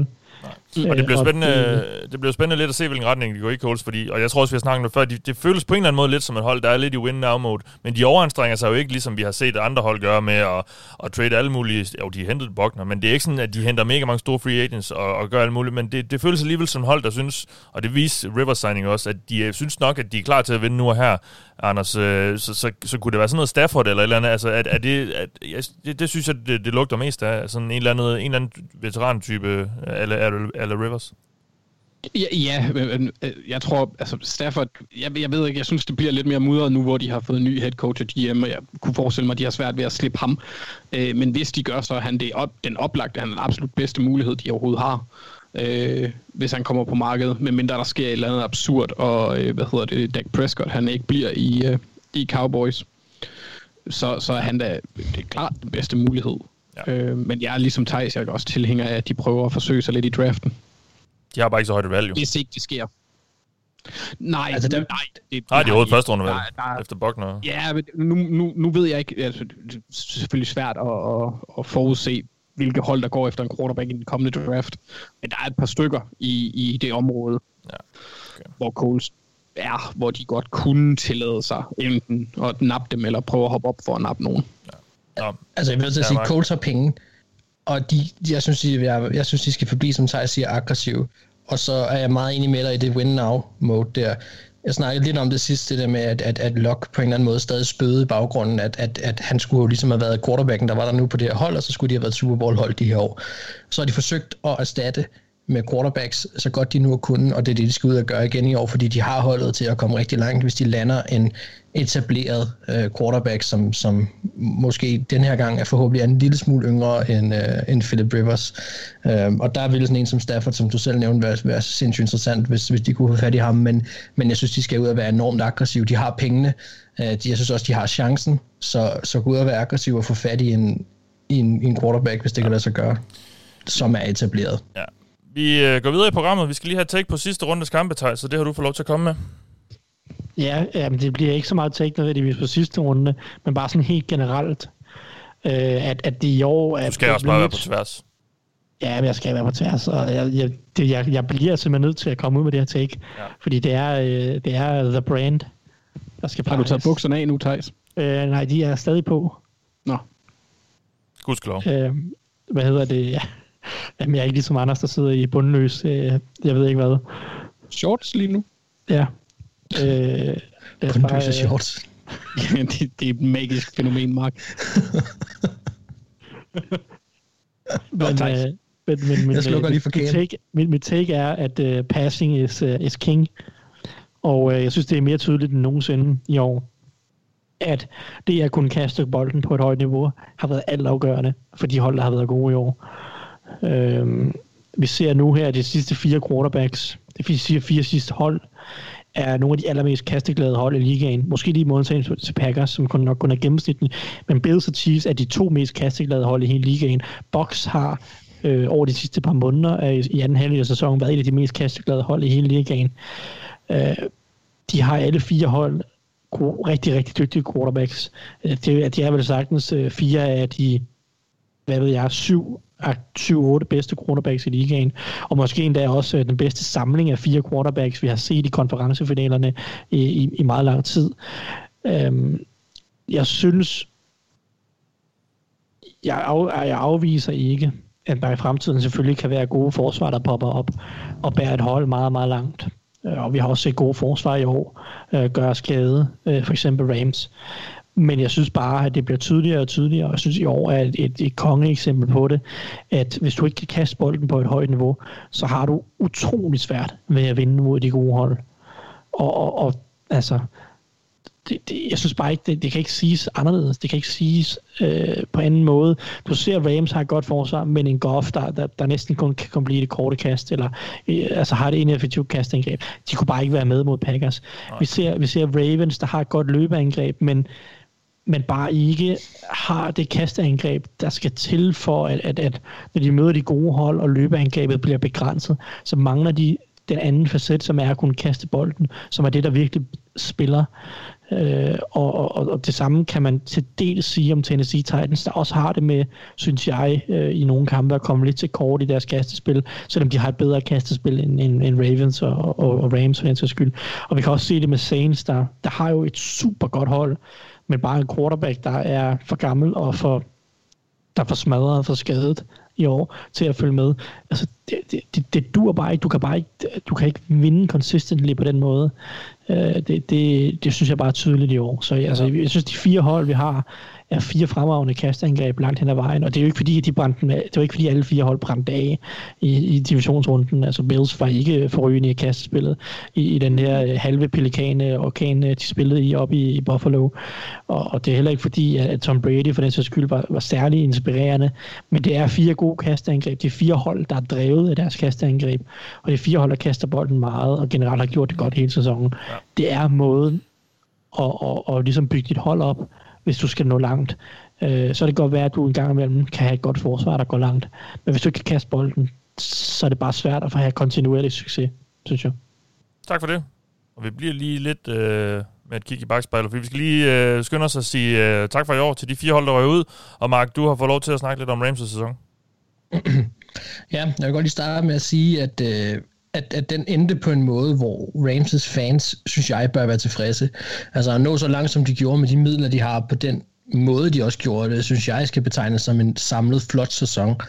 Men det var så også en sæson, der havde sin op- og nedture, fordi når Rams var bedst, altså så stod de Buccaneers, så stod de Seahawks, og når de var værst, så tabte de til Gaze og Jets, ikke? Så altså man kan sige, det var, de var i hver anden af spektret i løbet af denne sæson. Øh, man kan sige, at min begejstring for, hvad holdet opnåede den her sæson, den er faktisk måske også endnu større, fordi jeg absolut ingen forventede, eller jeg, jeg havde ikke nogen forventninger til dem, hvis jeg skal være helt ærlig. Jeg havde ikke forventet særlig meget af dem. Jeg var ikke vild med, med deres draft, øh, og det, at de havde sendt så mange penge og picks afsted over de sidste par år, som ligesom har resulteret i, at de nærmest er låst med det her roster, øh, det havde jeg det ikke godt med, og det kan også stadig ramme dem, skal nok komme til, men, men, men jeg synes, de gjorde det flot i år, øh, og der er et par spillere og enheder, som det giver mening, synes jeg, at fremhæve i det her, og deres secondary var fantastisk, altså nu har vi snakket Brandon Staley, men han fik det maksimale ud af sine spillere, Ramsey, Darius Williams, Troy Hill, safety John Johnson, rookie, øh, hvad hedder han, Jordan Fuller. Altså den enhed var suveræn i år. Men så kigger man sig frem og så siger, fint nok, Staley er væk nu. Og både Troy Hill og John Johnson, de er så free agents. Så, så ligegyldigt hvad, det her ikke en enhed, der kommer intakt tilbage. Så er der deres D-line, og Aaron Donald, som skal have lov til at, og, og, hvad kan man sige, blive mentioned for ham selv. Uh, hele den enhed med, med Brockers, Joseph Day og Morgan Free, hvad hedder det, Morgan Freeman, Morgan Fox. Var Hold kæft, hvis, hvis de har Gud med, så jeg kan godt forstå, at de er gode, de er gode, hvis de har haft Gud med. Hvordan der er det, ja, det er, kæft mand. Ej, Ej, det havde fandme været fedt. Det havde det. Nå, men den enhed, uh, minus Morgan Freeman desværre, var jo med til at sikre et enormt højt niveau.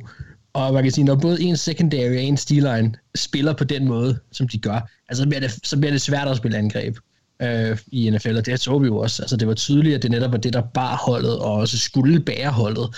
Øh, men, men som sagt, så fint har været inde på tidligere, så er det bare sværere at bibeholde et topniveau på så mange mennesker, på samme tid, som et forsvar nu engang er. Øh, og specielt over en hel sæson. Så når forsvaret ikke var der, så var det svært for holdet at have succes. Og det leder jo så til at snakke lidt om angrebet, fordi deres o den var god. Whitworth, den fantastiske mand, er nok på vej på pension. Lad os se, hvad der sker. Øhm, men de havde en god o i år. Vi ved, at de har en god wide receiver duo. Måske trio, når de er på banen. Altså, jeg synes specielt, at jeg vil fremhæve Robert Woods for en rigtig god sæson, fordi han kom i kølvandet på en, på en ny kontrakt, og han spiller alle kampe i år, han er ikke skadet, og han spiller bare en stor rolle. Ben Jefferson, der sluttede stærkt af, var, det var også spændende. Der var noget der, der mindede lidt om det, der var succesfuldt for Rams det år, de kom i Super Bowl. Men så er der altså spørgsmål omkring Jared Goff, og det hænger jo både sammen med, hvordan sæsonen blev spillet, og hvordan fremtiden er. Fordi de udtalelser, McVay kommer med nu, mm. det, det er ikke kønt at høre Ej, på. Det det og, jeg kan, og jeg kan godt forstå McVay, og det må også være hårdt at se på, at alle de penge er bundet op på en spiller, som ikke overrasker øh, positivt på nogen måde. Altså han er, hvad han er. Og man kan sige, hvis, han er, hvis der er noget, så er han nærmest blevet ringere, siden han fik den kontrakt. kontrakt. Og Rams har været hurtige med pengepunkten. Det var de med Todd Gurley, det var de med Tavon Austin, det, det var de også med Jared Goff, og det, det bliver tydeligt nu, og Goff havde bare ikke nogen god sæson, og det er svært at tro på, at han fra den her ene sæson til næste år lige pludselig skulle blive meget bedre. Altså jeg har svært ved at se, hvad det er, de skal kunne gøre, der gør, at Jared Goff løfter sit niveau yderligere, som jeg vil mene, det kræver for, at Rams har en chance for at være succesfuld, rigtig succesfuld øh, næste år og over næste år igen. Altså der må man sige, der, der ligger alt igen på, at McVay og øh, og det, hvad hedder det, den offensive koordinator skal sætte sig ned og tegne et angreb, hvor, hvor de virkelig, virkelig skal være kreative. Øh, så de skal nok starte med at clear den der dårlige stemning, øh, der er mellem ham og, og, og Goff, fordi det dur ikke. Så fremtiden for, for Rams, det er, at de skal ud og finde en ny defensiv koordinator. De skal få fikset med forholdet mellem øh, Goff og McVay. Og så derudover, så har de stadig ikke noget valg i første runde. Um, de kan dog ende med at få nogle øh, compensatory picks for Fowler Jr., så vidt jeg har læst på til, men altså, ellers så er det bare essentielt for mig, at Rams rammer godt i, drift, øh, i draften her, fordi de har brug for unge og billige spillere til at opveje de her dyre veteraner, de har fordi det er et område, de er rigtig presset på. Mm. Øhm, så så de, skal, de skal ud og ramme godt, og så skal de have, have fikset nogle ting. Ja. Anders, øh, du skal snakke om Ravens, og hvis man ja. har hørt os i løbet af sæsonen, ved man jo, at du har været meget langt nede i kuldkælderen med, med det hold her. Øh, men, men sæt lidt på på, hvad det har været for en sæson i Baltimore. Skal det være den hurtige, eller den, den, den lidt mere følelsesladede lange udgave, Mathias? Jamen... Skal vi skal holde det lidt hurtigt, vi har snakket ja, det, meget. Ja, Ja, overall, der har det været en fremragende sæson. Det, vi sluttede 11-5. Lamar fik sin første playoff-sejr, og som du kom ind på, og som I ved, så har jeg fundet den en smule frustrerende den her sæson. Ik- ikke, ikke fordi vi ikke vandt, og det var ikke fordi holdet var dårligt. Vi, vi havde, jeg tror faktisk, vi har ligaens højeste point differential, øh, positivt set.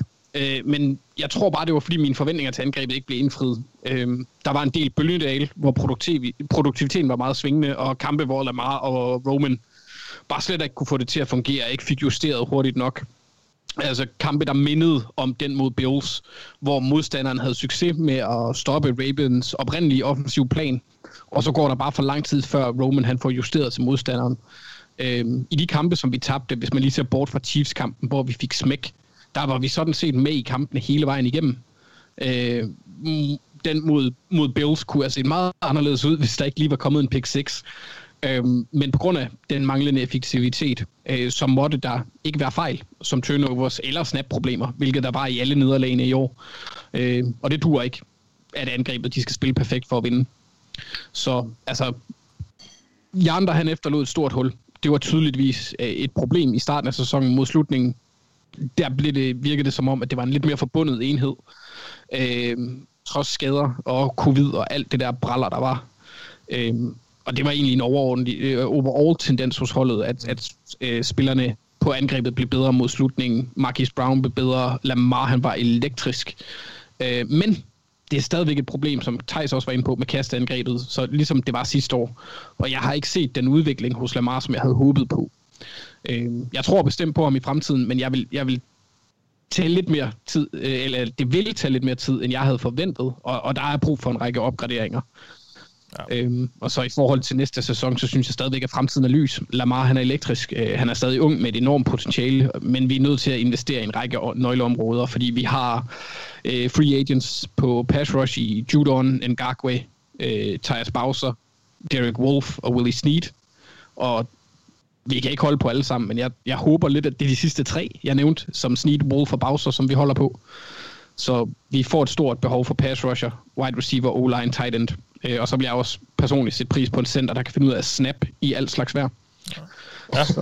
ja, ja, ja. Og, ja. Altså, er, er Snead virkelig en prioritet? Altså, er han ikke, er han ikke totalt ligegyldig, han har sagt? Altså, han, han er jo ikke en, der gør, han er jo ikke en, der gør en forskel.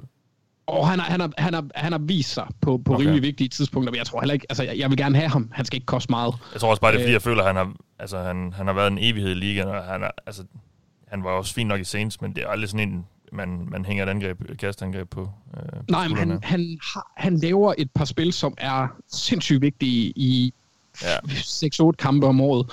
Øhm, men, men nej, altså det er ikke en, man skal sætte sit angreb på, men vi nej, bliver nødt til at opgradere. Men hvis han ikke er der, ja. så har intet udover, udover hvad hedder det, Brown. Og Brown, han er, han er meget svingende. Mm. Og Andrews har også, altså... Er heller ikke en god sæson for ham. Eller, Nej, det hedder han ikke, men han er også lidt for svingende. Ja. Så vi, vi har brug for, at der bliver investeret på en række områder. Øh, blandt andet pass rusher, wide receiver, O-line og tight end. Yes. Øh, men jeg vil meget gerne, jeg, jeg er spændt på at se, hvordan Roman og Lamar de udvikler kasteangrebet til næste år. Det er sådan set det, men ellers er jeg godt tilfreds med sæsonen. Og nederlaget mod Bills havde jeg også set komme i forhold til den forfatning, vi var i, så var det lidt forudsigeligt, at vi ville ryge ud enten til dem eller til Chiefs mm. i, på et tidspunkt, fordi vi simpelthen ikke kan følge med. Ja. Vi skal sige farvel til endnu et FC North-hold, Thijs. Det er Cleveland Browns, der jo, øh, selvom de ikke skulle slås en hel kamp med, med Mahomes, ikke kunne, kunne slå Chiefs, og det var sådan set også, hvad nok Chiefs var bedre i den kamp, men øh, vel overall en rigtig positiv sæson for Cleveland. Uden tvivl. Det her har været en fremragende sæson for Browns den bedste sæson, altså, altså resultatmæssigt, den bedste sæson siden 1994, øh, hvor man også vandt 11 kampe og vandt øh, i første runde af slutspillet, øh, og så tabte de den næste. Øh, dengang hed træneren, øh, eller var træneren en ged, der hed Bill Belichick. Øh, og siden dengang har det jo været en lang ørkenvandring på alle parametre for det her Cleveland-hold. Det har været, det har været skrækkeligt, både på trænersiden, på quarterback-siden, på, altså på alle parametre det ved vi jo, så at de i den her sæson går ud, vinder 11 kampe i en meget svær division med, med andre gode hold, i hvert fald to andre gode hold, øh, er jo simpelthen sindssygt imponerende at gå ud i slutspillet og levere en god kamp og slå Steelers. Også meget imponerende. Var jo også, ej, jeg ved ikke, man siger, de var med mod Chiefs. De var nok kun med, da Mahomes var skadet, øh, reelt set. Men, men de, de kæmpede da også fint i slutspillet og, og viser, at de har nogle rigtig gode ting kørende for sig. Øh, det er jo sådan det resultatmæssige, men, men på trænersiden, på front office-siden er det jo også et sindssygt positivt sæson. Øh, Andrew Barry øh, har jo virker jo som en mand, der ved, hvad han laver. Deres øh, analytics tilgang til tingene ser ud til at fungere.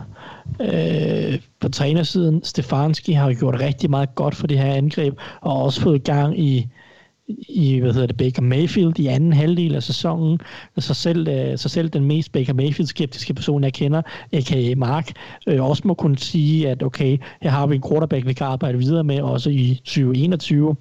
Øh, så det, det er jo sådan front office-mæssigt en, en god draft også i 2020 med Jedrick Wills har været en stjerne på venstre tackle.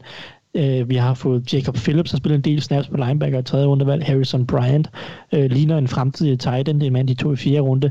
Donovan Peoples-Jones kunne også godt udvikle sig til noget, som de tog i fjerde runde. Så altså, draftsiden ser det ud som om, de ramte rigtigt i, i, i nu kan jeg ikke huske i free agency, hvor, hvor meget de egentlig gjorde væsen af sig, men jeg vil sige, de hentede Jack Conklin ind, det var også en god signing. Øh, så, så, så, hvad siger du, undskyld? Austin Huber. Austin Hooper, øh, det er måske lidt en overbetaling i forhold til, hvad han har leveret i år, må man sige, men, men, øh, men ikke desto mindre er det et hold, som hurtigt er kommet på rette spor, øh, både front office-mæssigt og trænersiden, og har rigtig, rigtig mange gode ting at bygge med, fordi det er også et forholdsvis ungt hold, og som, som, som ikke umiddelbart ser ud til at miste den ene profil efter den anden i den kommende periode. Så det er en rigtig positiv sæson. Jeg vil sige, at Browns skal jo bare ud i den her off-season og akkumulere mere talent. Øh, de skal ud og finde lidt til receiver-positionen, øh, skal ud og finde en hel del til forsvaret. Der er nærmest ikke en position på forsvaret, hvor de ikke kan øh, tage en spiller, som, som kan hjælpe. Så altså, der er mange ting, der, der stadig skal, skal lykkes for Browns i den her årsidst, men er du gal en 2020-sæson, der går i den rigtige retning endelig efter øh, 25 år, års ørkenvandring øh, i, i, i elendighed. Ja. Og så et sidste farvel her i den omgang, det er til New Orleans Saints, Mark, og nok også til Drew Brees. Jeg tog ham ikke med i nyhedsrunden, fordi han trods alt ikke har været ude at sige det selv endnu, men øh, det alt tyder på, at han er færdig. Altså, hvis ikke han er færdig nu, så ved jeg ikke, hvad det er for et show, der er blevet lagt op Ej, til i hvert fald. Han, han, det må vi... han ligner i hvert fald en, der er færdig, når han spiller på banen. Ah, det vil jeg sige. Det, det håber jeg da så sandelig også, han er, netop ja. på grund af det. Øhm, altså, det var et skældsættende år øh, i år, og, og igen, for Saints må jeg så er det bare svært at sige, skuffende afslutning. Altså, Sean Payton, han lavede nærmest en replika af forrige sæson, da han sammensatte sådan en flot sejrstribe uden Breeze ved roret, og igen, så var det holdet som enhed, der sejrede. Altså, de, de har de her, impo, det her imponerende run, øh, og, og der skal han roses, altså, og det, det skal holdet også. Øh, og vi fik også i den forbindelse overraskende nok øh, Hill at se som, som fuldtids quarterback. Og desværre for Saints fans fik vi så også at se, at der er nok lang vej igen, hvis han skal være Breezes aftager.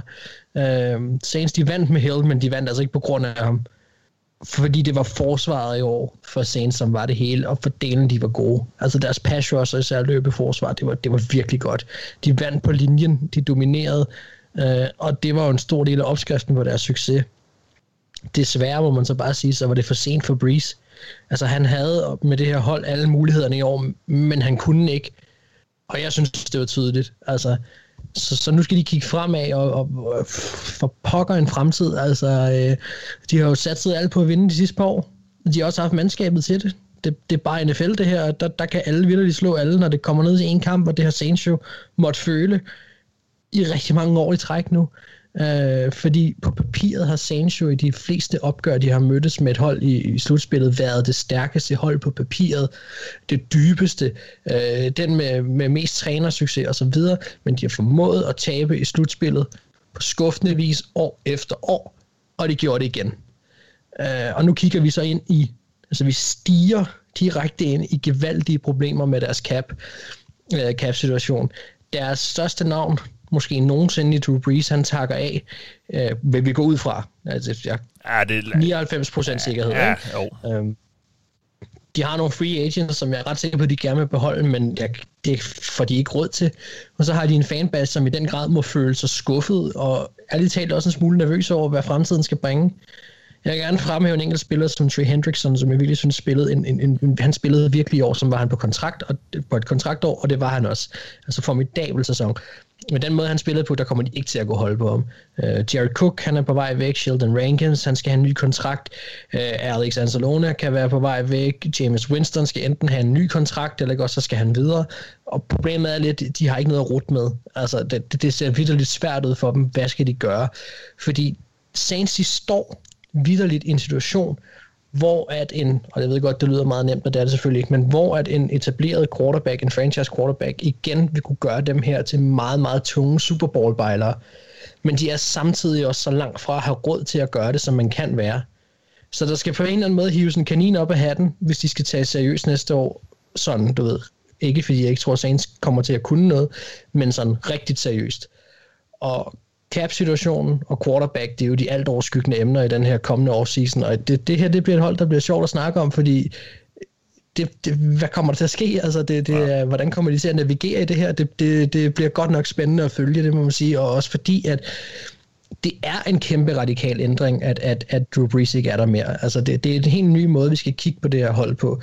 Og deres første sæson uden ham, som nok bliver i år, den bliver interessant, fordi jamen de er så, undskyld, fucked, altså på, på cap-situationen, ja, ja, ja. som de er lige nu. Ja. Spændende ting forude formentlig i Saints, der øh, nok skal gøre sig klar på et liv uden Drew Brees. Nå, lad os så gøre det, vi er sat i verden for. Why? Why? Why? Why? Why? Why? Tell me why?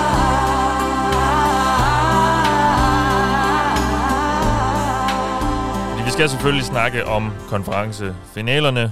To kampe skal spilles, begge to søndag aften, dansk tid, skorstræk nat. Øh, den første, vi skal snakke om, det er NFC-finalen. Og hvem er med der? Ja, det er Tom Brady selvfølgelig. Det har han jo selvfølgelig ikke været før, men han har været i rigtig mange konferencefinaler før. Og det første år, han er i NFC, så går han selvfølgelig også lige hele vejen der. Øh, det er meget, meget imponerende. Anders, øh, hvorfor vinder Box?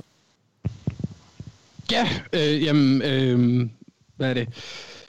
Jeg vil bare sige, for det, det første, jeg vil øh, komme ind på, det er, at jeg tror ikke på, at den første kamp i år er særlig relevant på ret mange måder. Øh, der fik Packers pryl, øh, hvor det var det 38-10, hvor yeah. de var foran 10-0 Packers, og så sætter Box 38 point på tavlen i streg, uden at Packers score.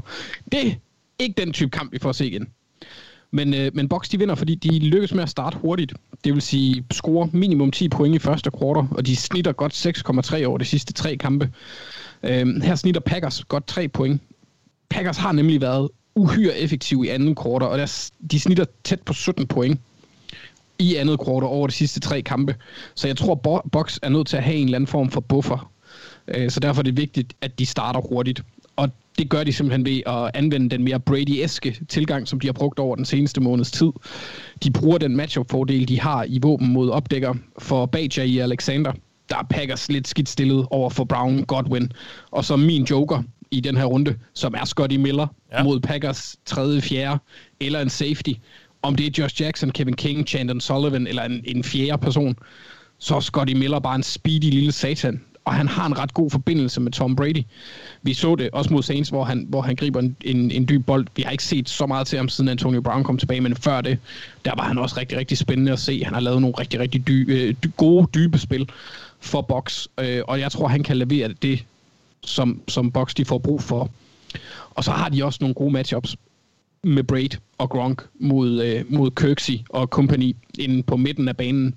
Og det tror jeg, at de kommer til at udnytte.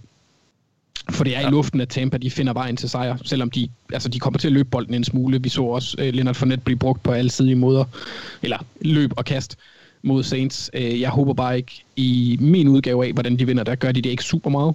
Um, men det vigtigste punkt, det er, at den offensive linje, den vinder matchuppet i den kamp her. Og der er det vigtigt, at Aaron Stinney som minimum ikke spiller dårligt.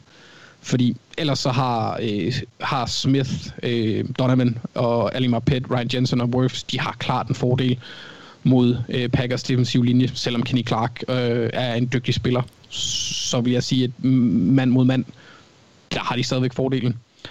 Øhm, og det sidste punkt øh, her, det er, at Bradys aftale med Djævlen ikke er udløbet, og at han spiller meget bedre, end han gjorde mod Saints. Ja. For Rodgers, han kommer ikke til at lave de samme fejl, som Breeze han gjorde. Så Bucks, de kan ikke regne med at få så favorabel en field position igen, som de gjorde mod Saints, hvor de scorer 21. Altså alle deres touchdowns kom efter turnovers. Øhm, og så på forsvaret, der bliver det så lidt mere spændende. Fordi de sover for Davante Adams, der er ligaens mest dominerende spiller lige nu. Øh, det er wide receiver, øh, vil jeg næsten sige. Og der lykkes de med at hæmme ham, fordi jeg tror ikke, de kan stoppe ham. Altså, han, han vil få en bedre kamp, end han gjorde i u 6, hvor han greb seks bolde for 61 yards. Øh, tre af de bolde blev grebet mod Carlton Davis, som er den centrale brik i opdækningen mod ham. Og han lykkes med at stoppe en Adams kampovertagelse. Jeg tror ikke, han stopper ham, men jeg tror, han, jeg tror, eller her, i den her situation, der lykkes det for ham at undgå, at Adams tager kampen over. Øh, og det samme, det gælder sådan set i løbespillet, fordi her lukker de ned for Aaron Jones' eksplosiv løb, og her er det den defensive linje, der skal gøre det meste af arbejdet øh, med at overvælde Packers ellers fremragende offensiv linje. Fordi det, Aaron Rodgers, han er god mod blitzen. Det, det er helt fucked. Det eneste, han ikke er god mod, det er, hvis han bliver presset uden at blive blitzet. Der er han lidt mere middelmodig. Øhm, og det bliver de simpelthen bare nødt til at vinde med igennem den defensive linje, og så jeg, jeg har svært ved at se dem ikke blitz, men de kommer ikke til at blitz lige så meget, som de plejer. Øhm, ja, så...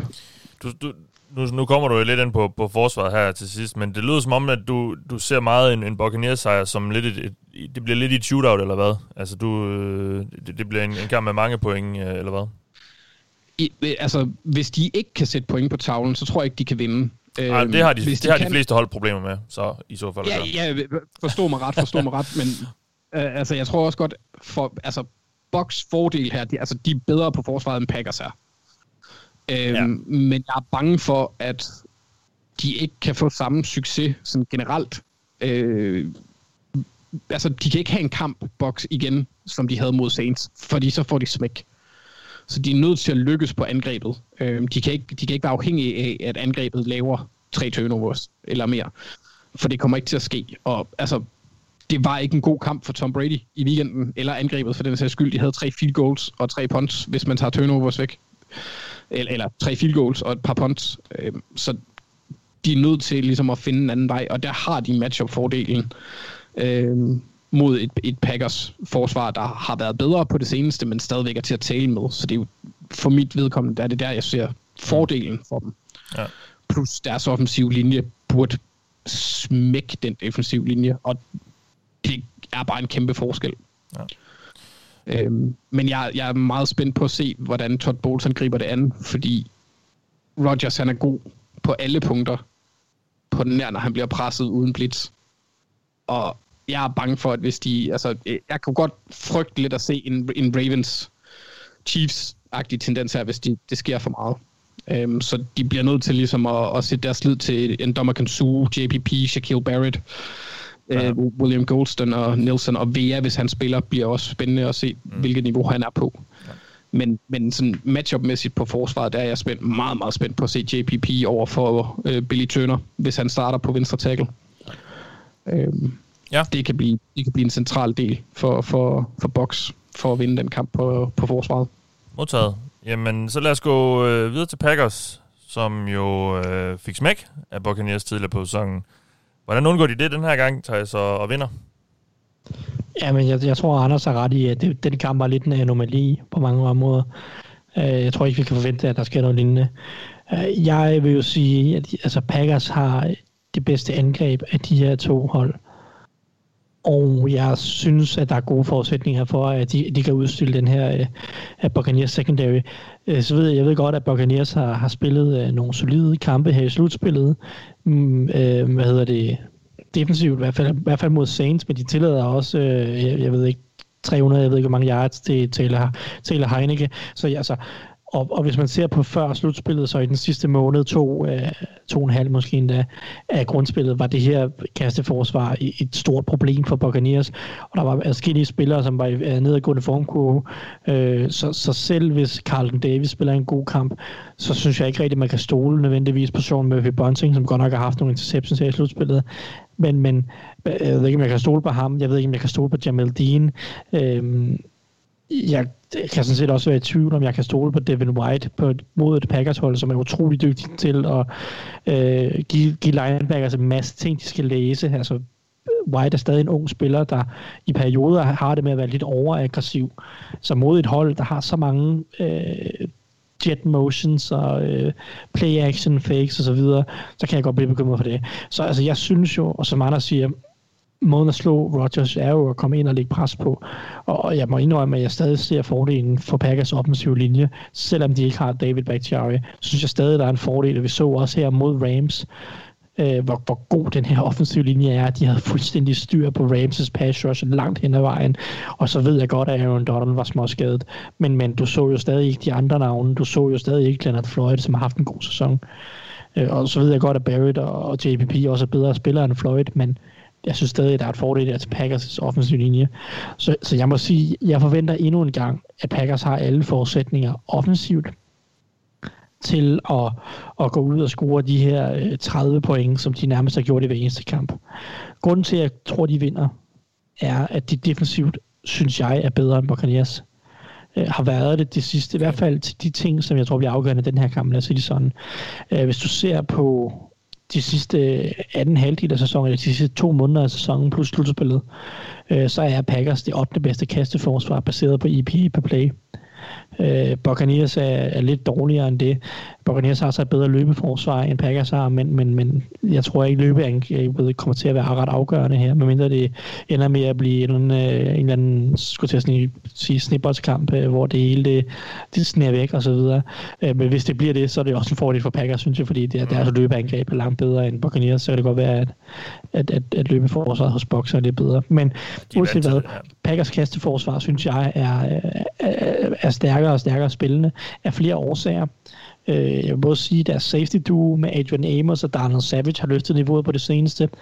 Øh, så vil jeg sige, at Jair Alexander, som har været god hele året, har været fænomenal den sidste måned eller halvanden. De sidste seks kampe har han tilladt 73, undskyld, 93 yards på 27 kast i hans retning. Det vil sige, at hver gang der er nogen, der tør at kaste mod ham, så får de gennemsnitligt lidt 3,4 yards. Det er ingenting. Det vil sige, han, han, at lige nu tillader han 0,38 yards per snap, han er i coverage. Det ville være det suverænt bedste i, i sæsonen øh, blandt alle cornerbacks, der har spillet mere end 300 snaps. Lige nu er, sådan hvis man ser over hele sæsonen, så er Ramsey, Jalen Ramsey bedst med 0,51. Jair Alexander de sidste seks kampe, 0,38. Han er fremragende. Ja. Øh, jeg, han, han, kan virkelig han kan tage en mand ud. Om det så skal være øh, Mike Evans eller Chris Godwin eller Antonio Brown.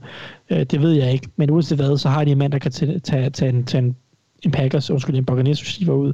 Og så synes jeg også, Kevin King, han matcher rigtig godt op mod en type som Mike Evans. Så hvis jeg var Packers, så vil jeg sætte Mike Evans, øh, eller så vil jeg sætte Kevin King over for Mike Evans, øh, fordi det er en stor fysisk receiver, som Kevin King kan gå lidt på kroppen af, fordi Kevin King er også en, en stor receiver, og så lader Jerry Alexander håndtere enten Chris Godwin eller Antonio Brown.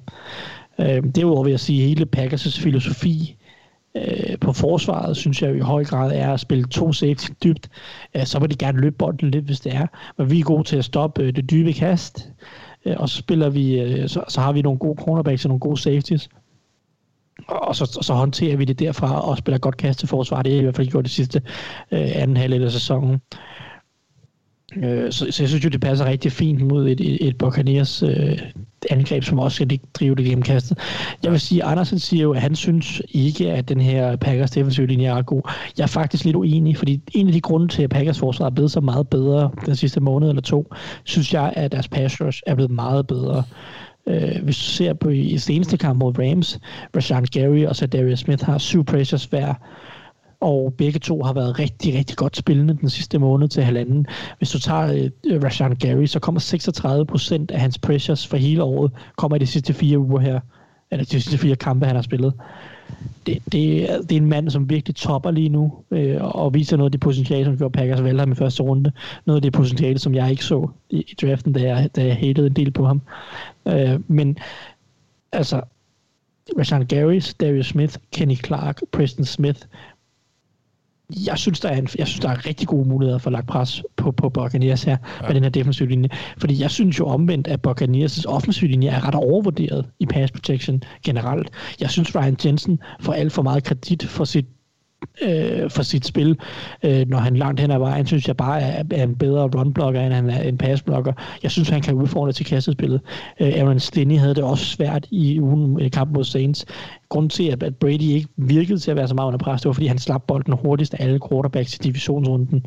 Så jeg synes, der var problemer, specielt indvendigt på, på Buccaneers offensiv linje, og jeg synes også, en type som Donovan Smith sagtens kan udfordres af en Cedarius Smith. Ja. Så, så, jeg, så jeg ser gode muligheder for at lægge pres på Tom Brady. Bedre muligheder, end Buccaneers har for at lægge pres på Aaron Rodgers. Øhm, så, så, det, så, så for mig kommer det ned til, at jeg synes, at et, øh, Packers kasteforsvar har været meget bedre på det seneste end Buccaneers. Øh, derudover er Packers' angreb bare bedre end, eller har været bedre end Buccaneers' angreb også, så jeg synes, der er en kastefordel til Packers, og så deres mulighed for at skabe pres på quarterbacken, synes jeg også er bedre end Buccaneers, øh, må indrømme. Så det, det er sådan set de hovedpunkter, det kommer ned til. Fik vi en joker fra dig? Øh, når man kan sige, det, jeg har valgt et matchup, som er lidt atypisk faktisk, men jeg glæder mig rigtig meget til at se Shaquille Barrett mod øh, Aaron Rodgers' hard count. Ja. Det, ja. Det, det, det, det, det, synes jeg er det fremragende matchup, fordi Shaq Barrett, øh, en af de ting, som øh, gør, at han er allerbedst, eller ikke allerbedst, men en, en af de grunde, øh, der gør ham rigtig god, er, at han, øh, han er utrolig dygtig til at time snappet, øh, eller anticipere, hvornår bolden bliver snappet. Øh, og mod en Aaron Rodgers, der er så dygtig til at lave hard counts, øh, hvis ikke at, at Box de jumper et par gange i løbet af den her kamp, så bliver jeg meget skuffet. Meget skuffet. Øh, så det er min matchup. Joker-mæssigt, mm. der tror jeg, at Chanton Sullivan, Packers' uh, slot cornerback, og Donald Savage, uh, deres safety, uh, får en meget, meget stor nøglerolle i forhold til at håndtere, uh, Anders nævner det også, Gronk og Braid, og så også til dels Chris Godwin. Uh, selvfølgelig, det bliver en afgørende, at de kan lukke ned i midten af banen, og, og det er muligt, at de rykker Jair Alexander lidt ind og, og dækker Godwin, øh, men så, så bliver Chanton Sullivan i hvert fald stadig en, en nøglefigur, øh, og jeg synes egentlig, at han har spillet en god sæson langt hen ad vejen, Chanton Sullivan, deres øh, tredje cornerback, altså efter Kevin King og, og Jair Alexander. Jeg synes, han har spillet en god sæson, så for mig, der kunne han godt blive meget vigtig, fordi Buccaneers har mange våben, så det er meget vigtigt, at de, din tredje cornerback, eller din, øh, din anden safety, og altså hele din secondary spiller godt. Ja. Tak for det. Så lad os så videre til NF, nej, AFC-finalen nu. Jeg har lige snakket NFC-finalen. AFC-finalen, som jo er et opgør mellem Kansas City Chiefs og Buffalo Bills. Og øh, der er en del usikkerheder i den kamp, som vi sidder her onsdag aften. Men det er sådan mest med Chiefs, så det kan vi lige vende med, Mark. Fordi du skal fortælle os, hvorfor Buffalo Bills de vinder. Og det har selvfølgelig også lidt at gøre med, med det med, med ja. Chiefs. Øh, fordi ja, det, det er jo en væsentlig ja, forskel, hvem, hvem der står bag center for Chiefs øh, ja. i forhold til Bills' chancer.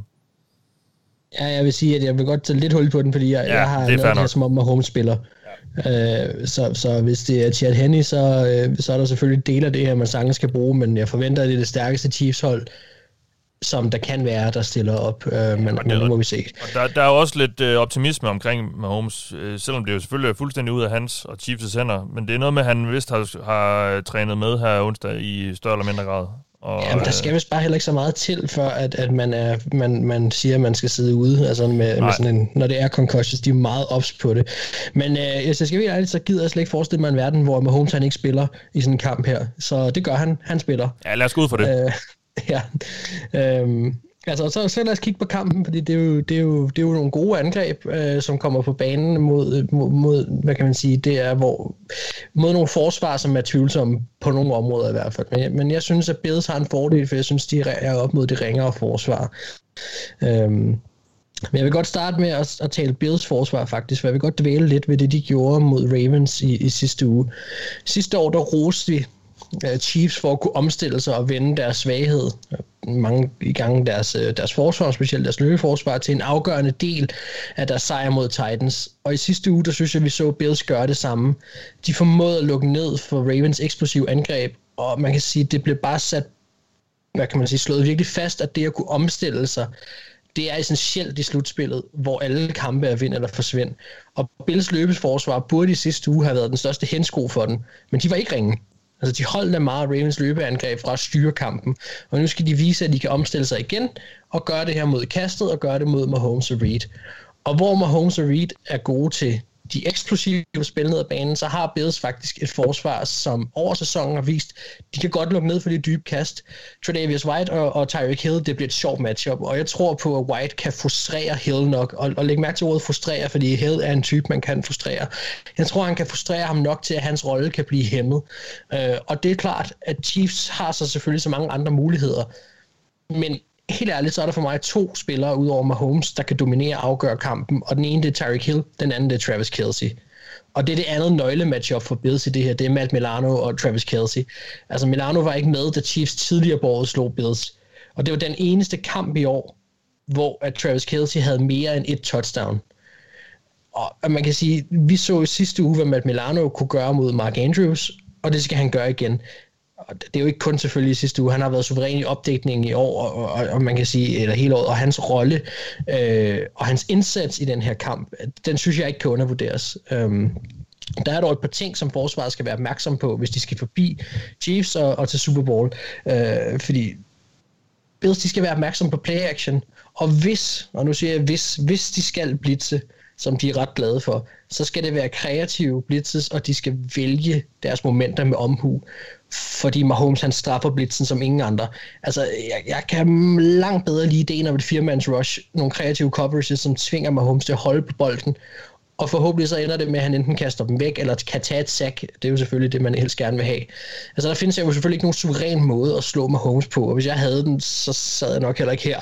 Men jeg kan bare sige så meget, at sende huset fuldstændig tomhjernet mod Mahomes alt for tit, det vil være alt, alt ødelæggende for bedre chancer i den her kamp.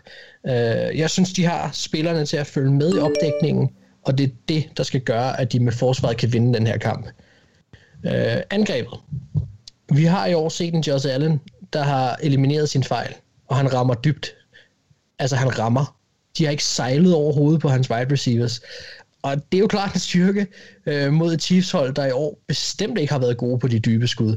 Øh, og, og heller ikke i red zone faktisk. Altså det her, hvor man kan se Chiefs forsvar, der faktisk har nogle ret store problemer, og nogle ting, som bliver interessante for Bills, og en nøgle til sejren for dem også. Øh, Josh Allen og Dabble, de har virkelig formået at i scenen deres, sætte deres wide receivers i år i hver kamp. Og vi oplever lige nu en Stefan Dix, som piker. Altså han er en kæmpe del af deres angreb, og han er en hovedpine, og han har været det hele året for alle forsvar i NFL. Og sammen med John Brown, Cole Beasley, Gabriel Davis, der har Dix ført en virkelig fantastisk og unik øh, hvad hedder det, wide receiver firkløver anden hele året. Og Chiefs, de har i den her kamp bare ikke nok midler til at stoppe dem. Uh, Bills, de kommer til at rykke bolden. De laver ikke fejl, og de kan score mange point. Og det er jo igen en nøgle til at kunne slå Chiefs. Og derfor har jeg valgt øh, en bestemt øh, fyr til at få jokerrollen i den her kamp, og det er Cole Beasley. Ja. Altså vi så jo sidste uge, at John Brown han steppede op ved siden af Dix, og hvor Dix han kommer til at være hovedattraktionen på Chiefs secondary, og at John Browns fart, og nok også den involvering, han havde i sidste kamp, vil komme til at kræve noget opmærksomhed, så giver det plads til, at Cole Beasley kan operere og få en vigtig rolle i den her kamp. Chiefs, de ved, at de kan ramme dybt, og jeg tror, at de vil gøre alt, hvad de kan for at tage det element ud, og det giver plads til Beasley ind over banen. Han kommer også til at få en rolle i forhold til at sørge for at holde Allen, øh, hvad kan man sige, presfri. Øh, for på trods af, at Chiefs ikke er formidable til at lægge pres på modstanders quarterback, det er de faktisk langt fra, så tror jeg gerne, at de vil have Josh Allen under pres. Både for at tage de dybe skud ud af hans spil, men også for at få ham under pres og se, om de kan få lukket den gamle Josh Allen tilbage. Det er ham, der tager dårlige beslutninger, laver fejl og kaster bold, der sejler ud over, øh, hvad hedder det, sejler hen over hans øh, wide receivers. Og der kan Cole Beasley blive en sikkerhedsventil. Og vi har både i Cowboys, men også i år, set ham vinde inde på midten af banen, også mod sidelinjen, og han kan tage de der, han kan tage det hårde arbejde og han har spillet, øh, hvad hedder det, og han har været en, stor, en stor del af øh, grunden til, at Bills også har været så effektive på tredje down i år, som de har. Altså, jeg siger, nu kommer lige min projection, jeg siger, at han får syv catches for 82 yards og et touchdown, og det, det, ja, okay. det som jeg mener, det, det skal på en eller anden måde symbolisere den indvirkning, jeg tror, han får på kampen. Mange catches, måske ikke for voldsomt mange yards, men han kommer til at være der i vigtige momenter. Altså, så min konklusion på, hvorfor Bills de vinder den her kamp, det er, fordi deres forsvar har vist, at de kan spille de store momenter. Deres trænerstab øh, er solid, og de har vist, at de kan omstille deres mandskab. Og så har vi tidligere på år set Chiefs tabe øh, et shootout til Raiders, og Bills de kan det samme som Raiders, de kan det bare meget bedre. Øh, så det bliver en fantastisk underholdende kamp, specielt hvis man er Bills Mafia. Ja, Jamen, øh, det lyder spændende. Lad os høre lidt om øh, uh, Chiefs ties, som der jo som sagt er lidt øh, uh, øh, uvidset omkring jo, i forhold til Holmes. Og det er jo et meget, meget stort hvis. Uh, fordi hvis han spiller, så er det så ser det ret godt ud, og hvis han ikke kan gøre, så... Ja, vi så jo Chad Henney selvfølgelig i slutningen af kampen, og det var da også fint nok for det meste, men det var også noget meget, meget grimt i det. Men som sagt, der er lidt optimisme, lyder det som om, om Mahomes, og jeg vil, jeg vil da måske tro, at vi får ham at se. Og jeg ved ikke, om du også er forberedt ud for Mahomes? Han er oh, det har jeg. Ja, og så, jeg. så lad os høre, hvad, øh, hvad det er, han og resten af Chiefs, de gør for, for at vinde den her kamp. Jamen, øh, som Mark siger, så det er jo egentlig to hold, eller Mark også indikerer i hvert fald, det er to hold, der minder en del om hinanden øh, på mange måder. Øh, jeg synes, der er et par afgørende forskelle, der taler til Chiefs fordel. Øh, hvis vi starter med de to holds forsvar, så tror jeg, det bliver, som Mark siger, altafgørende, at de her hold kan skabe pres på hinandens quarterbacks med kun fire mand. Fordi begge quarterbacks har været rigtig, rigtig dygtige mod blitzen i år. Øh, Chiefs blitzede godt nok Josh Allen en hel del i det første opgør, men det var også på en, en regn, regn, regnfuld og øh, våd og kold øh, oktoberdag, øh, hvor at øh, Chiefs generelt, øh, undskyld, Bills generelt virkede lidt ude af søg på angrebet. Øhm, ja, og det var også den der ikke, periode, hvor de havde nogle kampe, der blev flyttet rundt øh, på grund ja, af det var corona det omkring det der. Jeg mener, det, ja, det var netop sådan en, det var efter deres tirsdagskamp mod Titans ja, ugen før, som ja. jeg husker det. Øh, så de det var, var sådan lidt, at forberede det var sådan lidt mystisk alle sammen. Ja, de var vist begyndt at forberede sig lidt på, den, på Chiefs, men så, så fandt de så ud af, at den der Titans-kamp alligevel blev til noget, og så det, det var vist lidt, uh, lidt mudret. Ja. ja, og i, i den kamp, der løb Chiefs jo Bills fuldstændig midt over. For øvrigt mener jeg, mener, de havde 250 rushing yards til den kamp, eller ja. noget stil. Øh, så det var jo noget atypisk, fordi det er to kasteglade hold, og det er egentlig også det, jeg forventer at se i her i AFC-finalen. Men, men øh, jeg synes, der er, der er et par afgørende punkter her, fordi som Max siger, det bliver afgørende, at, at man kan skabe pres på quarterback med fire mand. Øh, hvis du ser på Bills, så har pass rushet, synes jeg, været deres deres store svaghed på forsvaret i år, hvis jeg skal være helt ærlig. Øh, det har, de har den 11. laveste pass rush percentage, pressure percentage i hele ligaen, og, øh, og der ligger Chiefs øh, noget højere. Øh, jeg mener, de ligger, i en, øh, de ligger lige uden for top 10 på det punkt, så vi har, vi har en rimelig stor forskel i, hvor god de er til at skrive pres på quarterbacken. Og jeg synes også, hvis man kigger ned over våbne, hvem er det, du sidder og kigger mod hos Bills? Okay, du har Jerry Hughes, som er en fin spiller, men ellers, der, så, ellers kommer der ikke ret meget for de andre. Hos Chiefs, der har du Chris Jones, der er dominerende. Du har Frank Clark, der kan give noget også. Øh, så, så jeg synes, at de har lidt flere kort at spille med og på den defensive linje, og har været bedre til at få pres på quarterback, og det tror jeg bliver afgørende for at prøve at skabe noget usikkerhed hos enten Mahomes eller Josh Allen. Så vil jeg sige, at Mark han jo, nævner jo rigtigt nok, at blevet så dygtig til at tage det dybe kast væk, og det selvfølgelig vil Chiefs gerne det, og det er de også gode til. Men jeg synes, man undervurderer hvor meget øh, Chiefs i høj grad er et short passing angreb. Øh, de er selvfølgelig dygtige til at være tålmodige, og så vente på de dybe skud, og så tage chancerne, når de byder sig. Men det er jo i høj grad et hold, der virkelig, virkelig går efter at angribe øh, linebacker, især i, i opdækningen, og skabe en masse forvirring, lave en masse, masse korte kast, og i scenen til deres, deres hurtige receiver med Michael Hartman og Tyreek Hill, og så videre, og så videre. Altså mod Browns, der mener jeg, at de har over 150 øh, yards øh, af deres kasteyards mod Browns øh, linebacker. Og så ved jeg godt, Bills linebacker er en helt del bedre end Browns linebacker. Men, men, men altså, hvis Bills bare bakker af, og spiller dyb coverage, som de jo selvfølgelig, det gjorde de for øvrigt i det første opgør, der spillede de rigtig meget quarters med, med, med to øh, safeties dybt og cornerbacks, der bakkede rigtig meget af. Øh, og, og det var Chiefs fint tilfreds med, fordi det betød, okay, så løber vi bare bolden, og så kaster vi bare bolden kort. Fordi det er jo så, det, er jo, det, er det, der er med Chiefs' angreb. Jeg synes, det er utroligt altid. De kan slå dig på alle måder.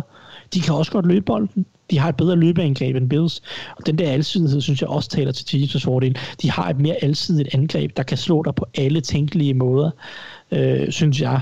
Og, og der har Bills måske lidt flere begrænsninger. Ikke at Bills' angreb er særligt begrænset, men de har lidt flere begrænsninger. De kan ikke umiddelbart løbe bolden ret godt. Har de i hvert fald ikke kun på noget som helst tidspunkt i år.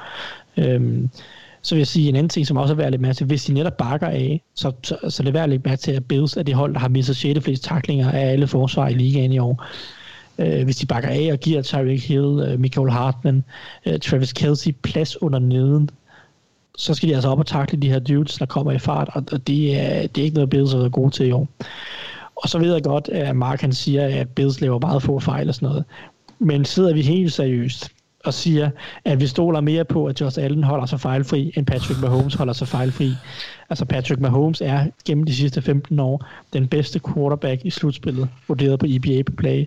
For øvrigt, hvis I, I, I, vil, vil I gætte på, hvem der er toer? Det er ikke Lamar Jackson.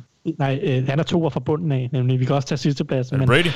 Altså igennem, jeg skulle også sige Brady gennem 15 år. De sidste 15 år i Paper Play, øh, jeg tror minimumsgrænsen var 150 øh, snaps. Okay, så det er en, der øh, kun lige har lidt mere end det, eller hvad? Ja, han har ikke forfærdeligt meget mere end det. Tannehill. Nej. Øh, svaret er selvfølgelig øh, Nick Foles. Åh oh, gud. ja. øh, den ja, okay. dårligste quarterback i slutspillet gennem de sidste 15 år, Mathias. Det kan du også få lov til at gætte på. Nej, det gider jeg faktisk ikke. Nej, okay. Red Rifle. Det vil jeg øh, gerne. Ja, okay, ja, Anders. Ja. Er det Andy Dalton? Ja. Det er nemmere at gætte, når man har hørt svaret, vil jeg lige ja. men Lamar Jackson er selvfølgelig næst sidst. Øh, men, øh, men uanset hvad, altså Mahomes er den bedste quarterback gennem, i slutspillet gennem de sidste 15 år. Og han, altså jeg, jeg kan simpelthen ikke få, se en verden, hvor at, at man stoler mere på en Josh Allen end en Mahomes til at lave de store spil, eller undgå fejl, for skyld. Jeg synes også, selvom Josh Allen har været meget, meget bedre i år, så er der stadig nogle spilhister her, hvor man, hvor man tager sig lidt til hovedet og ser nogle af tendenserne. Vi så det mod Coles, da det lige pludselig blev rigtig presset i fire korter. Så, så snitter jeg sig en, en potentielt meget kostelig fejl ind. Mm. Øh, kostbar fejl ind. Så altså, der stoler jeg bare mere på Mahomes. Så ja. generelt set, øh, Chiefs er bedre til at skabe pres på quarterback nu, end Bills er. Det tror jeg bliver afgørende. Uh, Bills har flere, færre dimensioner til deres angreb, synes jeg, end Chiefs har. Uh, og så stoler jeg bare mere på Mahomes end Josh Allen. Det er sådan ja.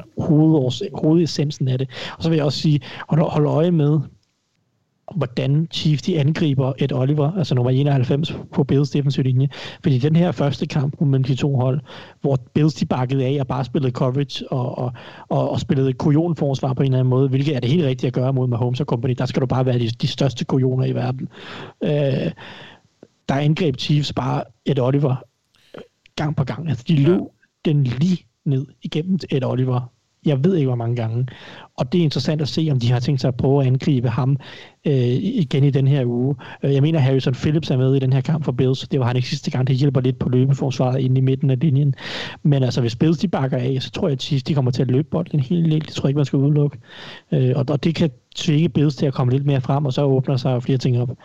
Uh, en joker for Chiefs, ja. vil jeg sige, er uh, jeg hedder det, Legarius Sneed Ja. Deres tredje cornerback. Nu har jeg taget tredje cornerbacken to gange i træk. Men jeg synes, han er en sjov spiller. Efter. Øhm, han spiller ind i slotten en hel del, så øh, apropos øh, Cole Beasley, som Mark han, øh, han valgte, så er der måske et matchup der, som kan blive ret sjovt at, følge. Men han er, han er en playmaker, der er dygtig til at få hånden på bolden i opdækningen, og de brugte ham også øh, kreativt her i, i både Browns og som blitzer en lille smule, så vi. Øh, han, han er meget, meget hurtig øh, cornerback, og, og det er sjovt at se ham øh, lave spil, fordi det har han været god til. Han laver også fejl, han er rookie og så videre, men han laver virkelig mm. nogle spil, og det, og det, det synes jeg er værd at holde øje med. Ja. Jamen spændende, det, nu skal vi jo finde ud af, hvem vi så tror, der vinder. Men som det altid er, inden vi lige sætter vores pick, så skal vi jo lige kigge på, hvem der gjorde det bedste i sidste runde. Og der var jo faktisk øh, rigtig mange, der ramte alle sammen rigtigt. Det gjorde vi faktisk selv. Der var så også kun fire kampe, øh, men hele 19 ramte rigtigt. Så øhm, jeg tænkte egentlig, jeg synes egentlig ikke, vi skulle have, have fanfaren på, øh, fordi det er jo så nemt, og det er jo lidt nemmere når der er så mange, der, der rammer rigtigt, og, når det, og når, eller på, på så få kampe. Men øh, når jeg så alligevel øh, har valgt at sætte den på her, så er det fordi, en af dem, der gjorde det i den her uge, det var også en af dem, der gjorde det i sidste Ej. uge. Så øh, selvom det smerter os, så skal vi hylde Alexander Påske. Fordi han er den eneste i Dogligaen, der er perfekt i slutspillet. Han har ramt alle 10 kampe rigtigt. Øhm, det, det, det skal vi virkelig ikke. Det behøver vi virkelig ikke. Og hvorfor gør det så sundt på os? Det er jo fordi... Prøver at få ham til at støtte ind på tier eller sådan noget.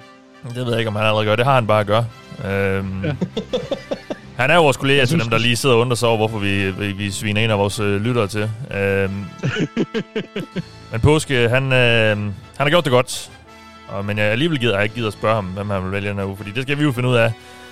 Øhm, og så skal vi lige også hylde Torbjørn Broman, Torbjørn, Torbjørn Broman, fordi han fører samlet i Dogligaen. Men det er altså kun med et point ned til Andreas Kjærsgaard Nørlev i toppen af den uh. samlede stilling. Det er de to, der ligger i toppen, men der er altså kun et point, der skiller med, så det er en meget spændende afslutning, vi får i ligaen her på de sidste tre kampe. Vi ligger selv nummer 10, Og vi er sikre på nu også at ramme 70% for sæsonen, så det er skide godt gået, drenge. Men lad os se, om vi ikke kan presse den op på 71. Fordi øh, nok... Hvor ligger på påske? Hvad siger du? Hvor ligger på påske? I den samlede stilling? Ja. Øh, det var jo sådan noget, jeg lige... Øh, Og hvis du ikke ved skal flade man skal bare helst ikke... han ligger nummer 7. Nej! Jo. Nå, du biber hans navn ud, ikke? Men jeg vil så også sige, at han har 24 point flere end os, og der er, jeg tror i hvert fald, der er to runder, hvor jeg har glemt at rykke dem rundt øh, efter prioritet. Så det er ikke sådan lige det, jeg har gået allermest op i. Jeg har, jeg har kigget mest på, hvem, øh, hvor mange vi rammer rigtigt, og øh, der, er vi altså, der er vi altså rigtig godt med. Nå, lad os finde ud af, hvem vi tror, der vinder i den her runde. NFC-finalen, Green Bay Packers mod Tampa Bay Buccaneers. Mark, hvem vinder? Ja. Ja, Det, Ja. jeg kan også spørge nogle andre. det, det, nej, det, lad mig bare lægge ud og sige, at det gør, øh, det gør Buccaneers. Jamen, den skal du også vælge, Ja, fordi du, du har jo haft dem hele året. Ja. Ja, jeg har ikke tænkt mig at vælge fra dem i år, men jeg synes faktisk, de har en, en, en, en rigtig god chance for at vinde i år. Jeg kan godt lide, øh, jeg kan godt lide deres angreb mod det her forsvar. Jeg synes, de har rigtig mange strenge at spille på. Og det, det jeg tror, det bliver en rigtig sjov kamp. Øhm, men øh, Så på Ja. udebane mod Aaron Rodgers. I, Ja, ja, der- iskolde, ja. I iskolde Green Bay. Med et, iskolde øh, Green Bay, ja. med men et godt nok ikke fyldt iskolde Lambeau Brady, Field. der står på den anden side, ikke? Ja, men det er godt nok, og godt nok er Lambeau Field heller ikke fyldt, men de lukker tilskuer ind, der nok skal lave lidt larm. Det gjorde de i hvert fald sidste weekend. Så det, De er, sidder det er et meget modigt valg, synes jeg. Så lad, men lad os høre, hvad de andre siger, Thijs.